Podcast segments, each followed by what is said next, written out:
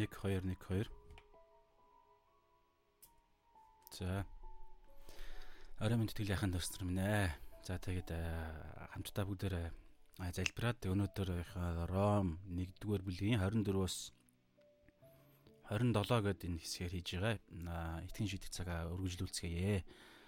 За өчигдөр байх хэрэгтэй байсан боловч би сүлдаад бас сайн сэтгэж сууж чадахгүй байсан учраас би бас бодсоо. Тэгээд миний төлөө залбирч өгсөн бас үргэлж хэрэгцээтэй үе цангуугаар дэмждэг Бурхны дуудлаганд хариулж Бурхнаар өдөрдуулж манайг дамжуулдаг, ерөөлийн сууг болдог итгэлийн ахын дүүс нарт үргэлж баярлдаг шүү. Бид нар нэг нэгнийхээ дуудлага, нэг нэгнийхээ нэг нэгэндээ эргэтэн болох арга замаар бид нар хаанчлал дургшилдаг учраас тэгээд үнэхээр эзний хүмүүс байгаад байгааг мэдрэх болгондоо талархдаг шүү. За тэгээд бүгдээр хамтдаа би дууга шалгах. За байт. За тэгээд орой эхэлж байгаа ч гэсэн дараа нь сонсох хүмүүс нь сонсон үсттэй гэж бодож чинь тэгээд хуваарийнхын дагуу манаа гэж хэлдэг юм уу? Сүнслэг манаанда үүрэг хариуцлага дээрээ те тэрхүү гайхалтай дуудлага дээр хагаад зогсож байна. За тэгээд овчхон залбираад эхлэе. Эзэн цагийн төлөө би талархаж байна. Тэгээд та бидний үргэлж хамгаалж бидэнд ирч хүч бидэнд урам зориг галыг өгдөг учраас талархаж байна. Эзэн тэгээ бид ганцаараа биш бид таны гайхалтай ялалт талаар дамжуулан бид нар таны эргэтэнгүүд болсон учраас бас танаар өдөрдуулагдаж таны дуу хоолойг сонсоод нэг нэгэндээ үйлчлдэг учраас эзээ энэ хүү хаанчлал дэндүү бодтой учраас таньда талархаж байна. Тэгээд эргэн тойрон төр гэрчлэлийн үлэм жагаа үйлсүүдийг та улам илүү нэмж өгөөч. Тэгээ өнөөдрийн цагаар дамжуулан та бидэнтэй яриач. Тэгээ дорой миний амийг ч гэсэн та өдөрдөө ямар нэгэн алтай гаргавал эзэн та хамгаалаач, эргэж болон сонсогчгээс нэрээр амин. За бүгд дээр уншия. За өнөөдрийн хэсэг бол Ром 1-ийн дуу мууны асуудал гайг байгаа хаа гэж найдаж. Гайг байхаа түрүүн шалгацсан тий.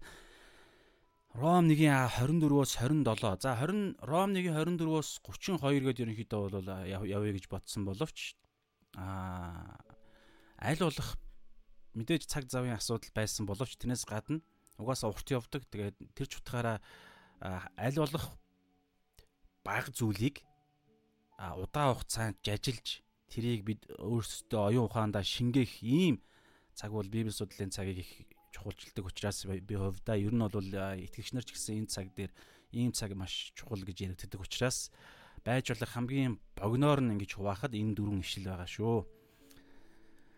За уншия. Ром 1:24 а 1:24-өөс 27. Иймд бурхан тэднийг зүрхнийх нь хүсэлт ачаалын бузар юмстай зөнд нь орхиж тэд бие махбодоо өвөр хоорондоо гутаажээ. Учир нь тэд бурхныг учир нь тэд бурхны үннийг худал хуурмгаар сольж бүтээгчээс илүүгээр бүтээлт нь мөргөж зарагджээ. Бурхан бол өвөрд магтагдах бүтээгч мөн амийн.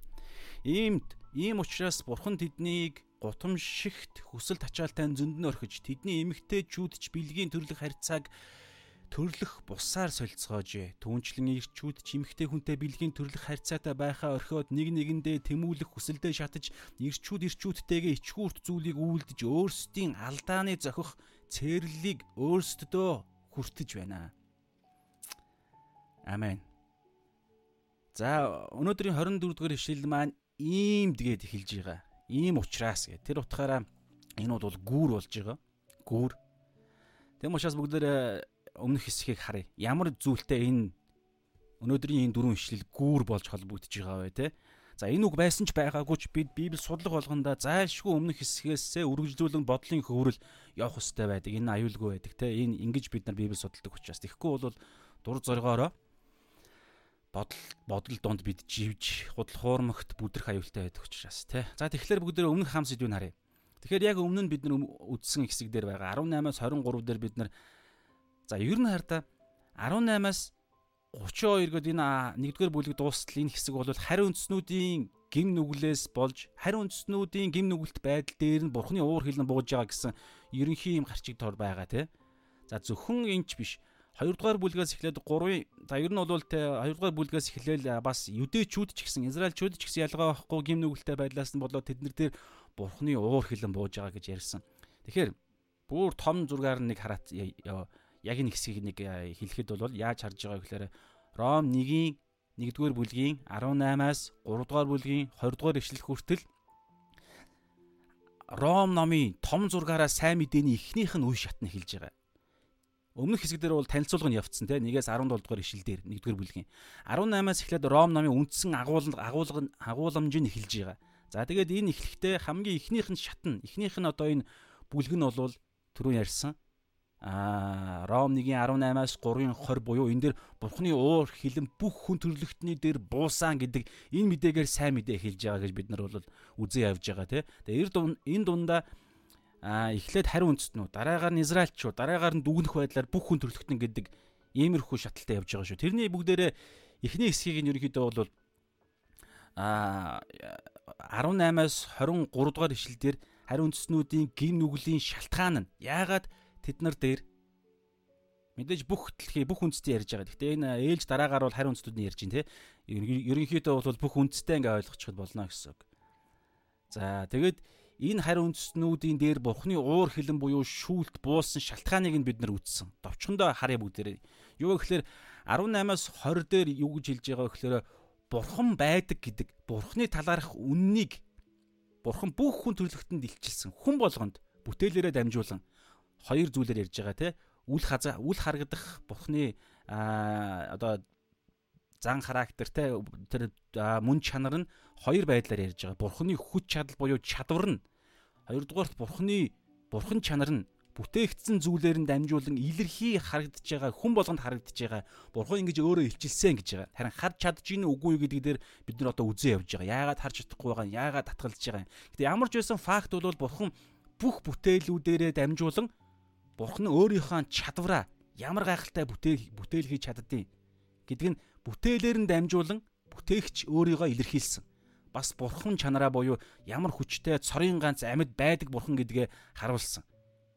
Гэтэл тэд нар мэдсэн мөртлөө 20 21-ээс 23 дугаар ишлэлээр бид нар юу үзсэн бэ гэхээр тэдний бурханы үннийг мэдсэн мөртлөө яаж байгаа вэ гэхээр зөвхөн бурханд байх ёстой алдрыг, талархлыг өгөхгүйгээр харин оронд нь Яаж байгаа вэ гэхээр өөрсдийн бүтээсэн элдв янзын дүр төрхтэй бүтээлүүдтэй алдар талархлыг өргөх өргөж байгаа. Ийм арга замаар тэд нар өөрсдөө бурхан болно гэсэн санаа. Нөгөө эдэн цэцэрлэгдэх могоон эмхтэй эрэхтэй хоёрт те өгсөн санал гол одоо хүн төрлөختний гол одоо занг энэ багхгүй юу? Бид бурхантай адилхан болно. Би гэдэг үзэл. Миний хүсэл чухал байна. Би чухал байна. Би чухал байна. Би ийм баймаар байна, тэгмээр байна гэдэг би гэдэг үзэл эн чин цаана явсаар явсаар ерөнхийдөө бол би өдөртмаар байна. Би бурхан баймаар байна. Би энэ дэлхий дээр аа би чухал байна л гэсэн санаа ерөнхийдөө бол. Тэгэхээр ийм зүйл ярьж байгаа. Тэгээ энэ байдал нь ямар дүр төрх тэр хүнийг одоо хүн төрлөختөн томоор нь ярьж байгаа. Гэтэ энэ дээр задлаад шууд эмхтэй үр удам гээд хүн төрлөختөн ярих үед зэрэгцээ Израиль гэж зэрэг ярьж байгаа байхгүй? Израиль гээд. Тэр утгаараа Израилийн төр хойшонд явчихж байгаа. Ерөнхийдөө бол бүх хүн төрөлхтөн буюу харь үндэстэн гэдгийг нь ярьж байгаа. Ерөнхийдөө бол хүн төрөлхтнийг хуучин гэрээнд бол Израиль үндэстэн, Бурхны сонгосон ард түмэн, бусад үндэстэн гэдэг ийм л хоёр англилд хуучин гэрээнд бол байсан. Одоо бол ийм англи байхгүй болцсон гэж ярьж байгаа тийм. Есүс Христийн загалмай энийг нэгтгсэн. Хоёр хонин сүрэг нэг болж байгаа. Нэг хончинтай. За тэгэхээр тэгээд саяны иймэрхүү тэ бурхныг таньж мэдсэн мөртлөө бурхан гэж түүнд алдрыг өгөөгүй, түүнд талархлыг өгөхгүйгээр мэдж байгаа. Тэгсэн мөртлөө талархлыг өгөхгүйгээр харин бурхан байдаг гэдгийг нь ерөнхий үнэн ерөнхий мэдрэмжийг ашиглангуутлаа өөрсдөө нэг юм бүтээгээд хэмшвтэн бүтээгээд тэрэндээ алдар өгөх арга замаар нөхөн төрлөختөнд тэгж байгаа байхгүй те. Одоо юу гэдэг нь хуучин гэрээнд ямар ч үндэстэн байсан те. Одоо ч гэсэн ялгаа байхгүй. Зарим сайн мэдээ сонсоогүй үндэстэн бол яг л иймэрхүү дүүд өрхөнд байгаад байгаа шүү дээ. Сайн мэдээ сонсоогүй бол яг л адилхан. Тэгэхээр тэдгэр хүмүүс яаж байгаа гэхээр одоо хаа нэг байгаа те. Одоо индиан ч юм уу эсвэл бол нэг африкийн нэг мууч юу тосхон ч юм уу нэг а ямар ч сайн мэдээ боловсралтай соёл иргэншил очиж байгаагүй нэг газар байлаа гэж бодоход мэс чанараараа бүтээл мүлтээд янз бүрийн зүйлийг дүгнэхтэй тэд нар бурхан байдаг гэдэл хүн болгон мэдэрж байгаа. Тэгэхээр тэр мэдлэгийг ашиглаж одоо энэ дэр хэлэх гээд байгаа энэ уур хилэн бууж байгаа тийм төлөв байдалд байгаа хүмүүсүүд яаж байгаа гэхээр тийм ээ бурхан байдгаа гэж хэлнэ гэсэн. Бурхан байдаг харин тийм ээ би ч гэсэн мэдэрч чинь чи бас мэдэрч чинь нөө тийм ээ Тэгвэл тэр бурхныг бүгдээ би олж мэдлээ. Тэр бурхныг би чамд танилцуулъя гингүүтлээ ямар нэгэн байдлаар нэг санаа эсвэл нэг зүйлийг хийгээд урдаа гаргаж ирээ тавьдаг. Энэ нөгөө бурхан ч байна гингүүтэл хүн болгон тэрэнд мөргөх арга замаар ингэж аа бурхны үннийг дардаг, хүчрхийлдэг, дарангуйлдаг, зүвт бус байдал дотроо хордог гэж ярьж байгаа. Хариу үндэстнүүд. Израиль бол Израилууд болохоор өөр байдлаар Бурхны уур хилэн бууж байгаа шүү. Энэ одоо сайн мэдээнээс өмнөх төлөв байдлыг хэлж ярьж байгаа шүү дээ. Ингэж иж сайн мэдээ буюу загалмаа үйл явдал ярина гэсэн үг. Одоо би яг бичээсийн дагуу ярьж байгаа учраас. Тэгээд тэгсэн мөртлөө ингэж байгаа байхгүй. За ингээд 22 дээр бол тодорхой хэлж байгаа нэг ишлэг бүдээр хараад байгаа. Өөрсдөө мэрэгэн гэж хэлдэг атлаа тэд мунхаг болсон бөгөөд буюу яг ерөнхий санааг нь харах юм бол те өөртөө мэрэгэн гэж хэлэх үед хэлснээрээ хэлсэн учраас ч гэдэг юм уу нэг иймэрхүү байлаар байгаа байхгүй. Яг ардаа яг цорын ганц бурхан байд ер нь бол бурхан байдаг гэдгийг тэд нар хүлээн зөвшөөрж байгаа мөртлөө тэр бурханыг буюу үннийг хайхгүйгээр оронд нь тэр зүгээр нэг тийм хэрэгцээ тэр мэдрэмжийг ашиглан гутлаа өөрсдийнхөө бузар муу хуваа хичээх зөвхт бус байдалтай ашиглаад нэг юм зохиогоод бусад хүн бусад хүмүүсүүдэд а энэ тэр бурхан ч юм байна гэж гаргаж ирснээрээ өөрсдийгөө мэрэгнгээ хэлж байгаа байхгүй. Тэгэж яг энэ төлөв байдалд ирэх үед хүн төрөлхтөд яаж байгаа гэхээр бодол санаа нь бүр хоосорж байгаа. За энэ бол онцгойлог харь үндснүүдийг ярьж байгаа шүү дээ.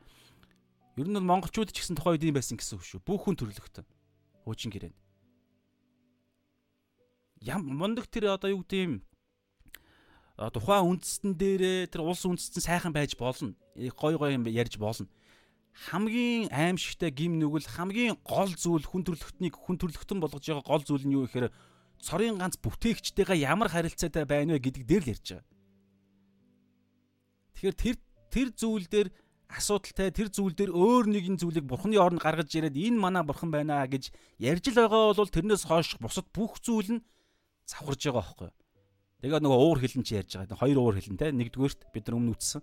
Нэгдүгээрт юу гэхээр ирээдүйд цаг дээр уур хилэн гим нүглүүдийн гим нүгэл болгоноос болгон чинь уур хилэн болж байгаа байхгүй бурхны уур хилэн. Бид нар яг ишлүүдээр батлаа явсан те өмнөх хэсэгдээ. Тэгээд асар их хүчтэй уурсгал далайн голын уурсгал нэг юм далангаар ингээд хоримтлагдсаар байгаа. Яг ийм уур хилэн ярьж байгаа байхгүй.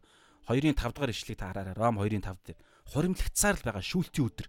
Энэ бол нэг уур хилэн ярьж байгаа. Энэ уур хилэн гарцаагүй. А хоёр дахь уур хилэн өнөөдөр бид нар одоо үзэх гэж байгаа. Нь бас хэлсэн те бурхнаар орхигдох гэдэг байдал. Тэгэхээр түрүүний хэлсэн тэрхүү тэ бурхны үннийг зүвт бус байдал дотроо эсвэл зүвт бус байдлаа ашиглаад хүчрхийлж дарангуйлж зүвт бус байдал дотроо хориод оронд нь худлыг гаргаж ирээд энэ бурхан байна гэдээ бурхны оронд өөр худал хуурмаг хиймэл шүтэнд алдрыг өргөөд тэгээ энэ хүү процессоо өөрсдийнхөө зохиож байгаа энэ процессоо энэ бол мэрэгэн ухаан гэж хэлэх үед 22 дээр өөрсдөө мэрэгэн гэж хилдэг атлаа мунхаг болж байгаа. Тэгэнгүүтлээ аа яаж байгаа гэхээр бодол санаа нь хоосроод 21 дээрээ Тэгээд тэд бодол санаандаа хоосорж ухаргуу зүрх нь харанхуй болж буюу инх үед бодол санаа нь хоосорж байгаа. Зүрх нь тэнэг болж байгаа. Тэгээд зүрх нь харанхуулж байгаа. Ийм зүйлийг ярьж байгаа. За ингээд иймэрхүү байдлаас цаашаа бүгдээр одоо явж байгаа. Тэгэхээр 24-оос яаж байгаа гэхээр аа Бурхан тэднийг зөнд нь орхисон гэдгийг энэ уур хилэнг одоо танилцуулж эхэлж байгаа. Жишээ нь Есүсээс өмнө хэдэн одоо манай эртний өмнөх гэж ярьдаг те хэдэн мянган жилийн оны үед амьдарч ирсэн. Бүх хүмүүсүүд яаж байгаа гэхээр хоёр уул уур хилэнг хүртсэн гэсэн үг байхгүй юу? Хүртээд явж исэн гэсэн үг. Нэгдүгээрт Есүсийн хоёр дахь ирэлтээр би болох шүүлтийн өдөр агуу цагаан хаан ширээний өмнө шүүхтэх шүүлтийн өдөр тэд хийж исэн нүгэл болгоныхоо бүх нүгэл нь уур хилэн болж асар ихээр тэр үер далайн үер тэр далан далн нь авагдах нэгүүлсэн авагдахгүй доор нь зогсож байгаа хүн бурхны мөнхийн асар хэмжээний уур хилэнг хилэнд мөнхөд дээр нь живж доор нь дарлагдж тамлагдах байхгүй. Тэгэхээр тэрийг эхлээд хүртэнэ. А амьдарч исэн энэ дэлхий дээр амьдарч исэн тухайн үедээ болохоор яаж байгаа гэхээр одоо өнөөдөр бидний үзэж байгаа уур хилэнг хүртэж амьдэрсэн гэсэн. Тэр нь юу гэхээр бурханаар хаягдсан гэдэг байдал. Хаягдсан гэдэг байдал. За. За тэгээ бүгдээрээ үзье 24 унш. За иймд бурхан тэднийг зүрхнийх нь хүсэл тачаалын бузар юмстай зөнд нь орхиж тэд бие мах бодоо өөр хоорондоо гутаажээ гэж байна. За энэ дээр бүгдээр хэдийн юм яриа. Тэгэхээр өмнөх хэсгээс хэсэгтэйгээ холбогдож байгаа гол юм нь юу гэхээр бурхны үннийг санаатайгаар үгүйсгэн бурхны үннээс санаатайгаар татгалцсан учраас одоо эхнийх нь ирэх уур хилэн шүүлт нь одоо юу вэ гэхээр 24 дээр Бурхан тэднийг зүрхнийх нь хүсэл ачаалын бузар юмстай зөнд нь орхиж зөнд нь орхисон гэдэг энэ үг. Тэгэхээр зөнд нь орхих гэдэг энэ үг грек хэл дээрээ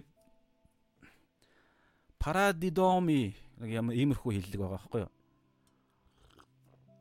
Парадидоми. За дуудлага болгоно буруу байж магадгүй. Ямар ч гэсэн иймэрхүү үг парадидоми гэдэг энэ үг байгаа байхгүй. Тэгэхээр энэ үг биш те хит хитэн газар хэрэглэгдэж байгаа. За энэ үгний утга нь бол хит хитэн байдлаар илэрхийлэгдэж болдог. За би жишээ нь байж болох хит бүх юу гэдэг тол дээр байгаа хэллэгийг орчуулгуудыг нь би хэлье. Тэгэхээр танд ерөнхий санаа гарч ирнэ. Одоо энэ дээр болохоор Ром 1-ийн 24 дээр зөвхөн зөнд нь орхих гэдэг байдлаар байгааз итгэхгүй хэв дээр. Итгэхгүй хэв. Бурхан тэдний зүгээр зөнд нь орхиол өөрөө зүгээр ингээ холтчихж байгаа юм шиг. Тэгээ нөгөө бараг та за хүссэн юмаа хийгээд бурхан юусоо ямар ч хамааралгүй ингээ болоод зүгээр ингээ дур зоргоор амьдр гэдэг ингээ их чөлөөгөө нөгөө явуулчихж байгаа юм шиг. Ийм байдалтай байгаа. Ийм байдлаар хилэгдэж байгаа. Энэ бол яг нэг хэрэглэн мөн. Бурхан бол зүгээр зөнд нь орхиж байгаа. Гэхдээ энэ үг өөр өөр байдлаар хэрэглэгдэж байгаа байхгүй. Одоо бүгд нэг хоёр ишлэлийг харьцуулж харна. Гэхдээ эхлээд би үгнийх нь толон дээрх утгыг хэлье. За зөнд нь орхих гэдэг утга байна. Өөрөөр хүлээлгэн өгөх.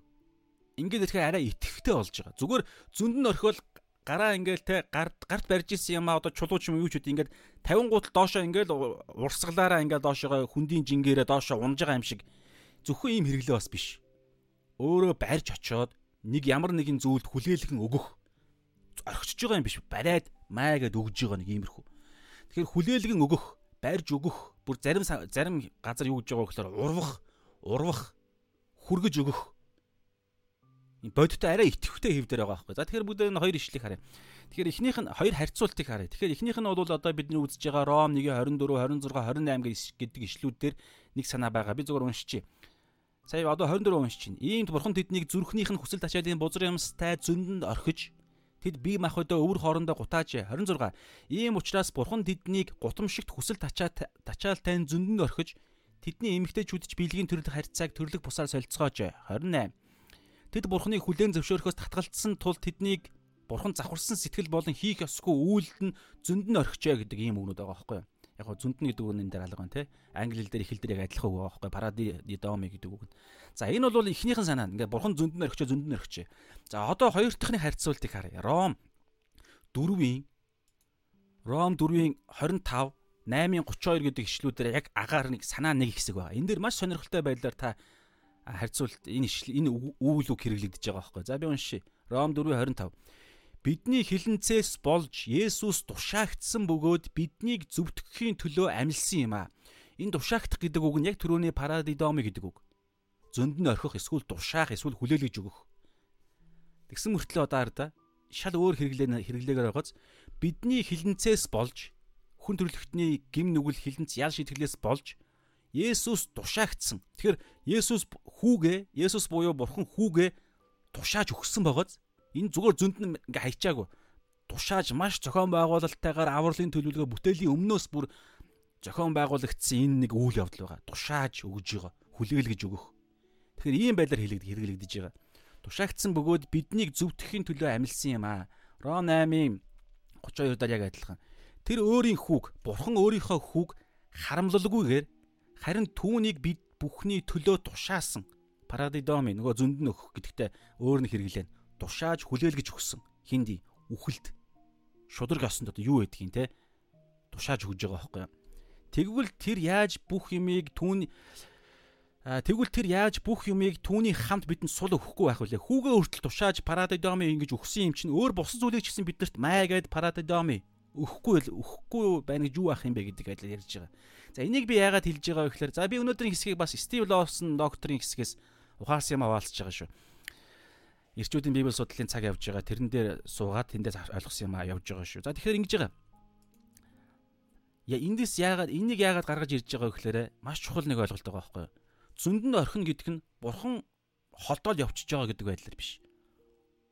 Итгэхгүй хийв биш. Бурханаар бурхан оролцож байгаа. Энийг Стив Лоусон пастор доктор юугаар зүүрлэж байгаа гэхээр зүгээр ингээд зөндөн орхин ихээр нэг юм амьдралын гим нүглийн урсгал ч юм уу эсвэл бол түрүүний ярьсан тайдаг юм аимшигтай урсгал руу ингээд орхио тэр урсгалд аяанда ингээд зүгээр ингээд өөрөө ингээд цаагаараа хөөд явчихж байгаа юм байдлаар биш. Бурхан байна шүү дээ те. Орхиод нэгдүгürt орхиж байгаа. Тэр авралын аврыг аврыг гисэн те түүнтэй үзэж таарж түүнийг үннээ илчлэх гэж оролдож исэн чинь үннийг нь татгалцаад ингэх үед бурхан тэр орлогоо орхиж байгаа байхгүй. Тэгсэн мөртлөө орхиод тэгээд болж салаа явчихж байгаа юм биш. Бурхан чааш нь бүр түлхэж байгаа гинэ. Бүр түлхэж байгаа. Бүр нэмэлт бүдрүүлэг өгж байгаа гэдэг байдаг. Одоо би нэг ишлэлээр Стив Лоусон пастор тавьсан нэг ишлэг маш сонирхолтой ишлэл байгаа. Бурхан хийгээд байгаа байхгүй. Тэгэхдээ энэ нь бурхан өөрөө шууд хийж байгаа юм биш. Нөгөө хүн чөлөөт сонголтоороо эхлээд үннээс татгалцсан. Үнэн гэдэг ойлголт чинь хамгийн төгс те а бурхан тэр хүнийг те аврын хайрлын урилга өгөөд өөрийгөө илчлээд байхад илчлээгүй байхад нь ойлгож чадахгүй байхад нь биш шүү. Илчлээд байхад түрүүн хэлсэн шүү дээ. Шалтак байхгүй. Илэрхий харагдаж байгаа. Бүтээгдсэн зүйлсээр нь илэрхий харагдаж байна.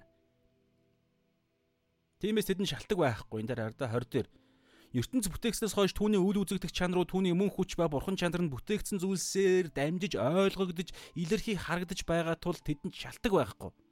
Тэгэхээр ямар шалтакгүй болон болтол нь бурхан илчилсээр л байсан. Гэтэл тэд нар үгүйсгэж байгаа. Юу үгүйсгэж байгааг л бурхан байдаггүй гэдэг байдлаар биш. Маш өөр байдлаар. Бурхан байдгаа тийм ээ. Ягаад тэгэхээр бурхан байдаггүй гэчвэл чи ямар тэнэг юм бэ? Дгүүл энэ байгаль яалаа гэж энэ аяанда юм болчих юм уу гэдэг байдлаар хин нэг тэр хүний шууд мат тавих учраас бурхан байдаггүй гэж хэлэхгүй. Бурхан байдаг харин тий. Гэхдээ жинхэнэ бүтээгч биш. Өөр зүгээр бүтээлүүдийг нь бурханы оронд тавьснараа жинхэнэ бурханыг татгалзаж байгаа байхгүй. Ийм арга хэрэглэж байгаа. Ингиж тэд нар өөрсдийнхөө бузар мууг бузар муу чигээр нь чааш нь үргэлжлүүлэх зорилготой. Тийм учраас аа Тийм учраас яаж байгаа вэ гэхээр зүгээр бурхангаа орхичж байгаа юм биш те. Эхэлж тийм сонголт хийсэн учраас бурхан яаж байгаа гэхээр чааш нь үргэлжлүүлээд бузар мууд худал хуурмагт итгэвчүүлж байгаа байхгүй бүр ингэж чааш нь нэмж байгаа гинэ. Тэдний сонгосон сонголтын дээр нь чааш нь нэмээд бүр түлхэж өгж байгаа. Ийм итгэвтэй хэв ярьж байгаа. Итгэвтэй хэв. За бүгдээрээ нэг ишлэг харнаа.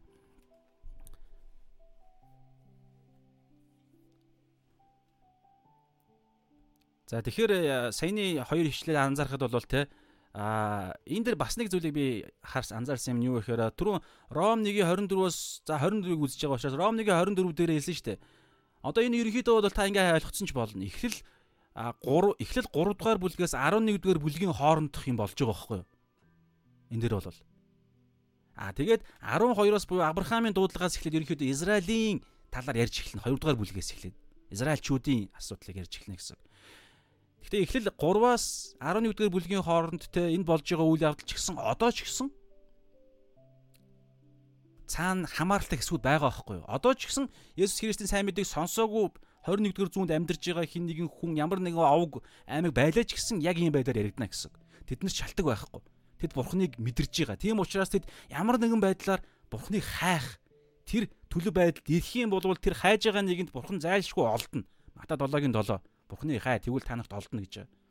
Харин хайхгүйгээр оронд нь хийм шүтэн зүгээр хүн өөрөө нэг юм зохиогоод ашиглаад ирэхээр тэнд яаж байгаа гэхээр зөнд нь орхих гэдэг процесс одоо ч гэсэн явагдаж байгаа байхгүй. Одоо ч гэсэн тэр утгаа зөвхөн сайн мэдээ сонсоогүй хүмүүс төр биш. Энэ бол ерөнхий байдал.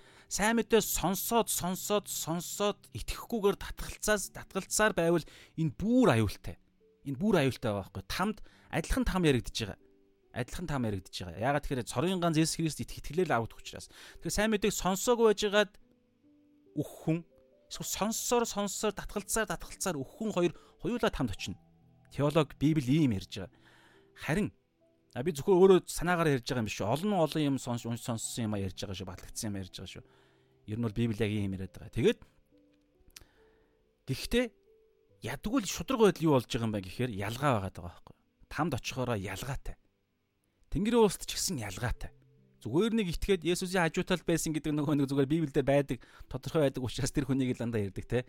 Гэтэ тэр хүн чааш нь амьдрах боломж нь байсан бол ямар амьдралаар амьдрах байсныг бид мэдэхгүй шүү дээ. Гэтэ зүгээр хамгийн ил байгаа учраас Есүс Христийн хажууталд баруун талд нь ч зүүн талд нь ч цовдлогдсон тэр хүн өнөөдөр ч надтай хамт яваач нэг л ярьж байгаа. Амьдралаараа гим нүгэл мүгэл хүснээр амьдарч амьдарж байгаа л эцсийнхаа өөхөх мөчөд Есүст итгээд Тэнгэрийн улс руу явж байгаа.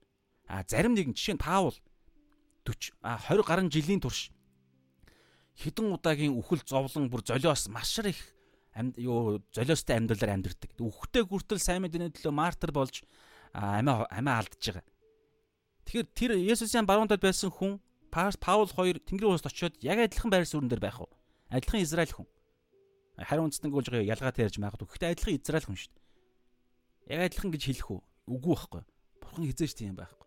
Бурхан бол шудраг тамд ч гэсэн гим нүглүүдийн ялгаа ялгаатай. Тэнгэрийн улсад ч гэсэн ялгаатай. Гэхдээ тэглээгээд тамд жаргана гэж юусоо байхгүй. Бүгд зовно. Тэнгэрийн улсад хүн зовно гэж байхгүй. Бүгд жаргана. Гэхдээ энэ дундаа ялгаа байгаад байгаа байхгүй. Бурхан болов шудраг учраас. Тэр утгаараа энд ярьж байгаа нь шүү. Тэгэхээр аа түрүүний энэ 24 дээр ярьж байгаа те 24 дээр хэлж байгаа санаа бол те эхлээд аа хүн төрлөختөн за бүр би эхлээд бүр библийн дагуу эхний эхний хүн дээр очие. Каин аахгүй. Каин. Хамгийн эхний хүн бол яг бодиттой яг энэ дүрд орох хүн бол Каин. Ягаад гэвэл Адам Ева хоёр гим нүгэл үлдсэн дараагаар нь бурхан тэдэнд гим нүглийг нь ичхүүрийн далдлахын тулд амтан алж гим нүглийн төлөөс бол цус гэж байгаа. Тэгэхээр тэр амтны цусыг урсгах арга замаар Адам Ева хоёрын гим нүглийг нь далдалж хувцсгийж өнгөгдөг. Энэ үедээ тэднэрт дахлыг зааж өгсөн байдаг. Библиэлд бол байхгүй. Гэхдээ яг дараагийн бүлгээс тэгсэн тодорхой болдог. Яагаад гэвэл яг дараа нь Адам Ева хоёрын хүү Абель Каин хоёр дахил өргөж байгаа. Тэр хин зааж өгсөн. Бурхан яаж тэр амтны цусыг уурсах үедээ. Тэгэхээр Адам Ева хоёр тэр мөчөөс эдийн засгаас хөөгдөх үеэсээ л дахил гэдэг ганц одоо хуучин гэрээний нэгүүлсэл гэхгүй юу. Тэгэхээр шинэ гэрээний Есүс Христийн сайн мэдээ бол нэгүүлсэл дээрх нэгүүлсэл гэж байгаа. Хуучин гэрээний дахил хуульч гэсэн ялгаа байхгүй нэгүүлсэл гэхгүй юу. Гэхдээ төгс нэгүүлсэл биш шүү дээ. Тэгэхээр тэр дахил тэр нэгүслийг бариад тэр дахлын тогтолцоог бариад эдийн засгаас хөөгдөл явсан гэсэн. Тэгээд тийм арга замаараа л бурхантай харилцаж үргэлжлүүлэн амьдарч исэн гэсэн. Тэгж яагаад Адам Каин Абельд гуйланд нь дахил зааж өгдөг. Бурхан тэднэрт аа өөрийнхөө үннийг илчилсэн гэсэн. Яг өнөөдрийн энэ ишлэлтэй хамааралтайгаар. Гэтэл Абель нь бол яг ингээ үннийг нь хүлээж аваад үннийх нь дагуу амьдардаг. Тэр утгаараа Абелийг Абелийг болон Абелийн өргөлийг нь хүлээж авч байгаа. Харин Каин яаж байгаа гэхээр тэр бурхны ээж аваар нь дамжуулан бурхан түүнд илчилсэн үннийг хүлээж авдаггүй зөвхт бус байдлаараа зөвхт бус байдлаа ашиглаж зөвхт бус байдал дотроо далдалж нуурж хүчрхийлдэг. Тэр утгаараа бурхны зааж өгөөд ингээрэ гэж хэлсээр байсан арга замаар нь дахил өрөхгүй зүгээр л юу цус биш зүгээр л нэг ургамлаар дахил өргөдөг. Тэгсний дараагаар нь бурхан гэж байгаа гэхээр Кайныг болон түүний өргөлийг нь хүлээж авдаггүй. Гэтэ тэглээгээ за одоо хаяга зөнд нь бас орхиогүй. Дахиад боломж өгдөг. Гим нүгэл чиний үүдэн дээр чинь хотч гинэ. Тийм учраас чи эсэргүүцэх ёстой. Иймэрхүү иймэрхүү арга зам өгсөөр байтал нэгүслээ өгсөөр байтал үннээд удаа дараа илчилсээр байтал Каин яаж байгаа гэхээр оо за ойлголоо гэд гимшээд өвдөг сөхрөөд гимшээгүй.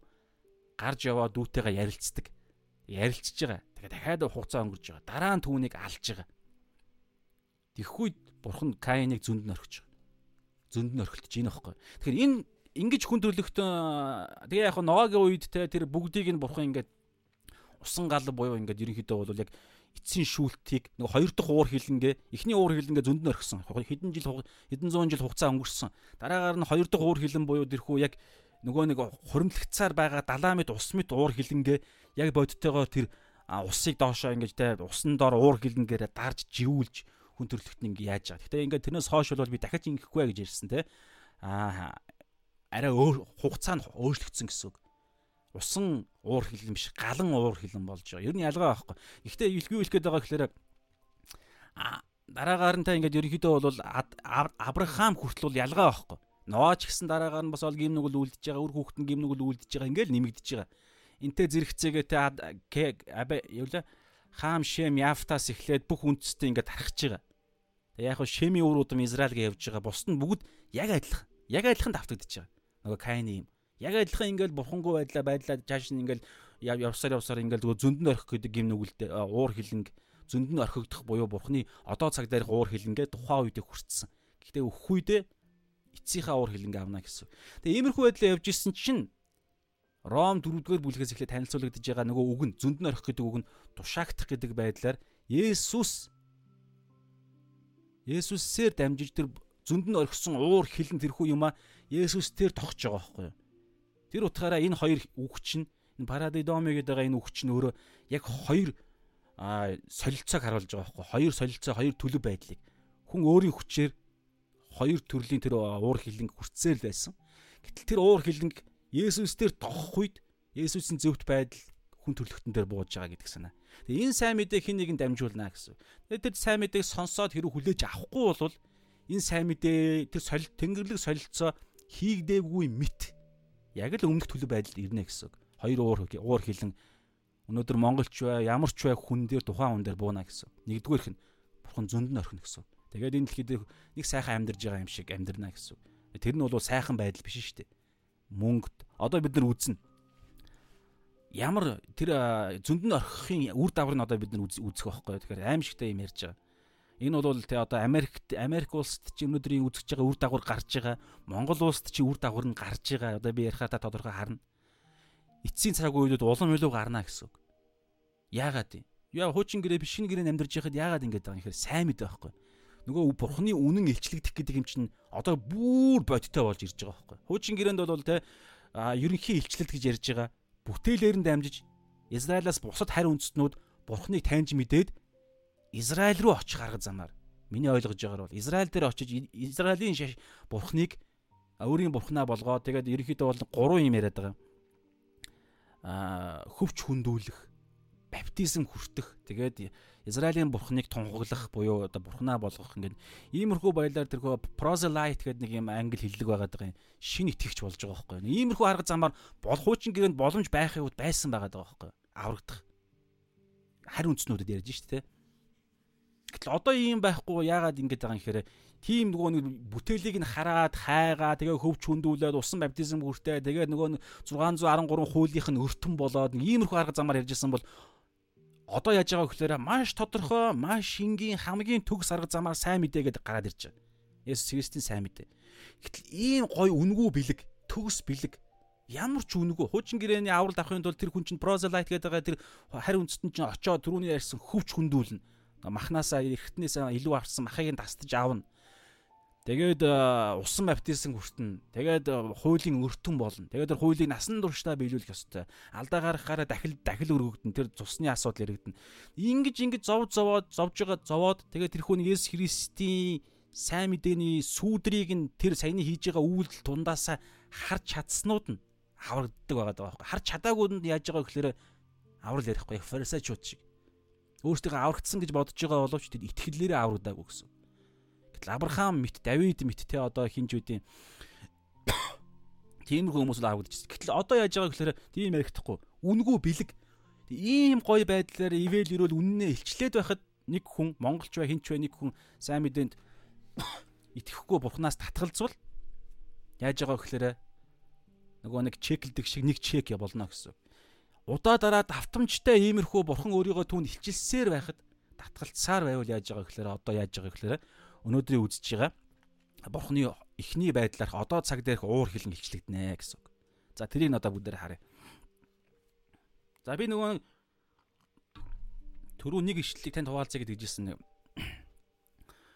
Бурхан зөнд нь орхих гэдэг нь зүгээр ингээ орхиж байгаа юм биш бүр ингээ хүлээлгэж өгөөд барьж өгөөд ингээ тушааж байгаа бодтой нэг юм бурханы оролцоо байгаад байгаа байхгүй. Тэрийг нь илчилсэн ишлэлийг бүгдээр харъя. 2 дугаар Теслоник 2:11 дээр За энэ ерөнхий хам сэдвийг тага унших юм бол ерөнхийдөө бол та ойлгоно. Хуйлгүй хүн эцсийн цаг үед болох үйл явдлын дараа гарч байгаа. Тэгээ энэ дундаа би яг өмнөх 10 өмнөх хойдох ишлэгийг нь уншихаар ерөнхийдөө яг адилхан санаа байгаа байхгүй. За би уншия. За өмнөх 9-өөс нь уншия. Хуйлгүй нэг нь сатааны ажлын дагуу эргэж бөгөөд бүх хүч ба тэмдгүүд худал хуурмаг гайхамшиг болон элдв зүү бус бусын залим ихтэйгэр мөхөхстийн төлөө ирнэ. Эцсийн цаг үед нөгөө нэг ер нь антихрист гэдэг юм шиг байгаа юм. Эцсийн цаг үед тэр бурхангүй хуйлгүй нэгэн хүн гарч ирнэ гэдэг юм ярьж байгаа. Тэгээ тэр нэгэн ирэх үед гарч ирнэ. Учир нь тэд аврагдах. За зин хүн манайхан дуу мууны асуудал байхгүй зү тэ. Нэг хүн залгаж явах юм. За за энэ өөр хувийн зорилготой байхгүй шүү дээ.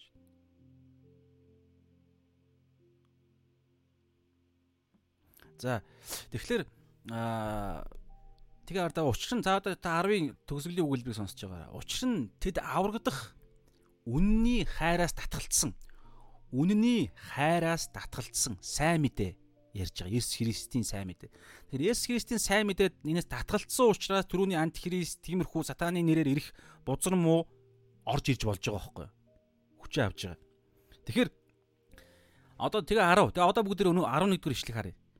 Ингиж үнний хайраас татгалцсан учраас 11. 1-р 2-р Тесалоник 2:11. Тимээс.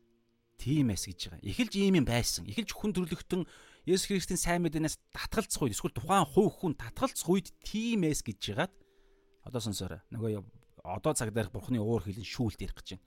Бурхан тэдэн рүү хүчтэй төөрөгдөл илгээж тэд худал хуурмагт итгэх болноо.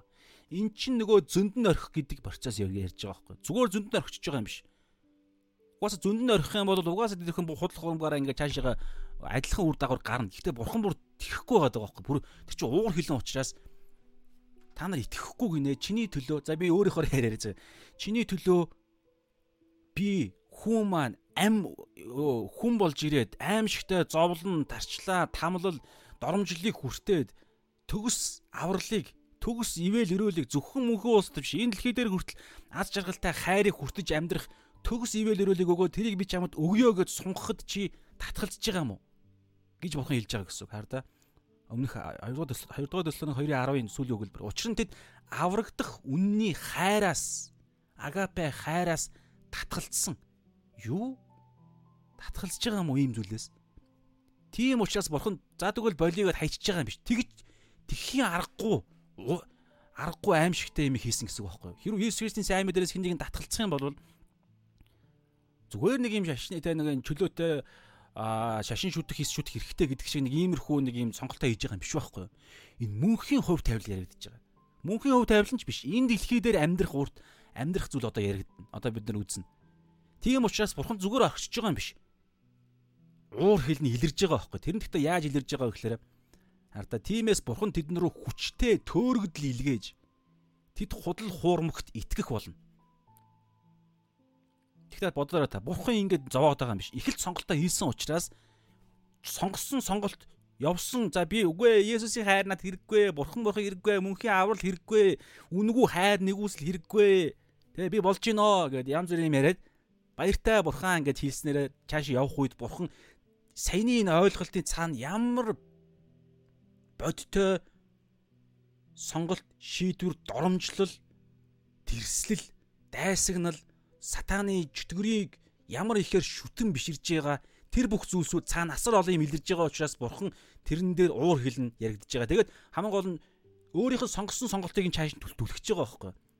Энэ замаараа явах чинь за тэгвэл явдаа гэд араас нь түлхэж өгөөд тэр зам руу араас нь түлхэлт буюу худал хуурмыг нэмэгдүүлж байгаа байхгүй. А тэр төөрөгдлийг нь. Тэгэхээр сонгосон сонголт нь угаасаа тийм ойлголттой чааш явж байгаа учраас юу ч ирсэн одоо бүгд нэг тодорхой юмар харна юу ч ирсэн тэр зүйлийг шууд төөрөгдөх тэр процесс нь цаашаага аяандаа шууд ингээд дараа дараагийнхан шат руугаа орж байгаа байхгүй. Тэгээд за 12 2 дугаар Теслоник 2:12 ингэснээр үнэнд итгээгүй нөгөө үнэн гэдэг үг чинь дахиж дахиж орж ирж байгааз үнэнд итгээгүй зүү бусыг таалсан бүхэн яллагдах болно гэж байгаа. Тэд их л сонголтоо хийлээ. Татгалзаж гин.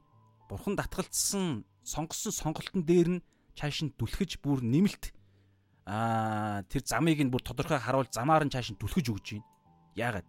Ингэснээр үнэнд итгээгүй зүү бүсийн бусыг таалсан бүхэн яллагдах юм аа.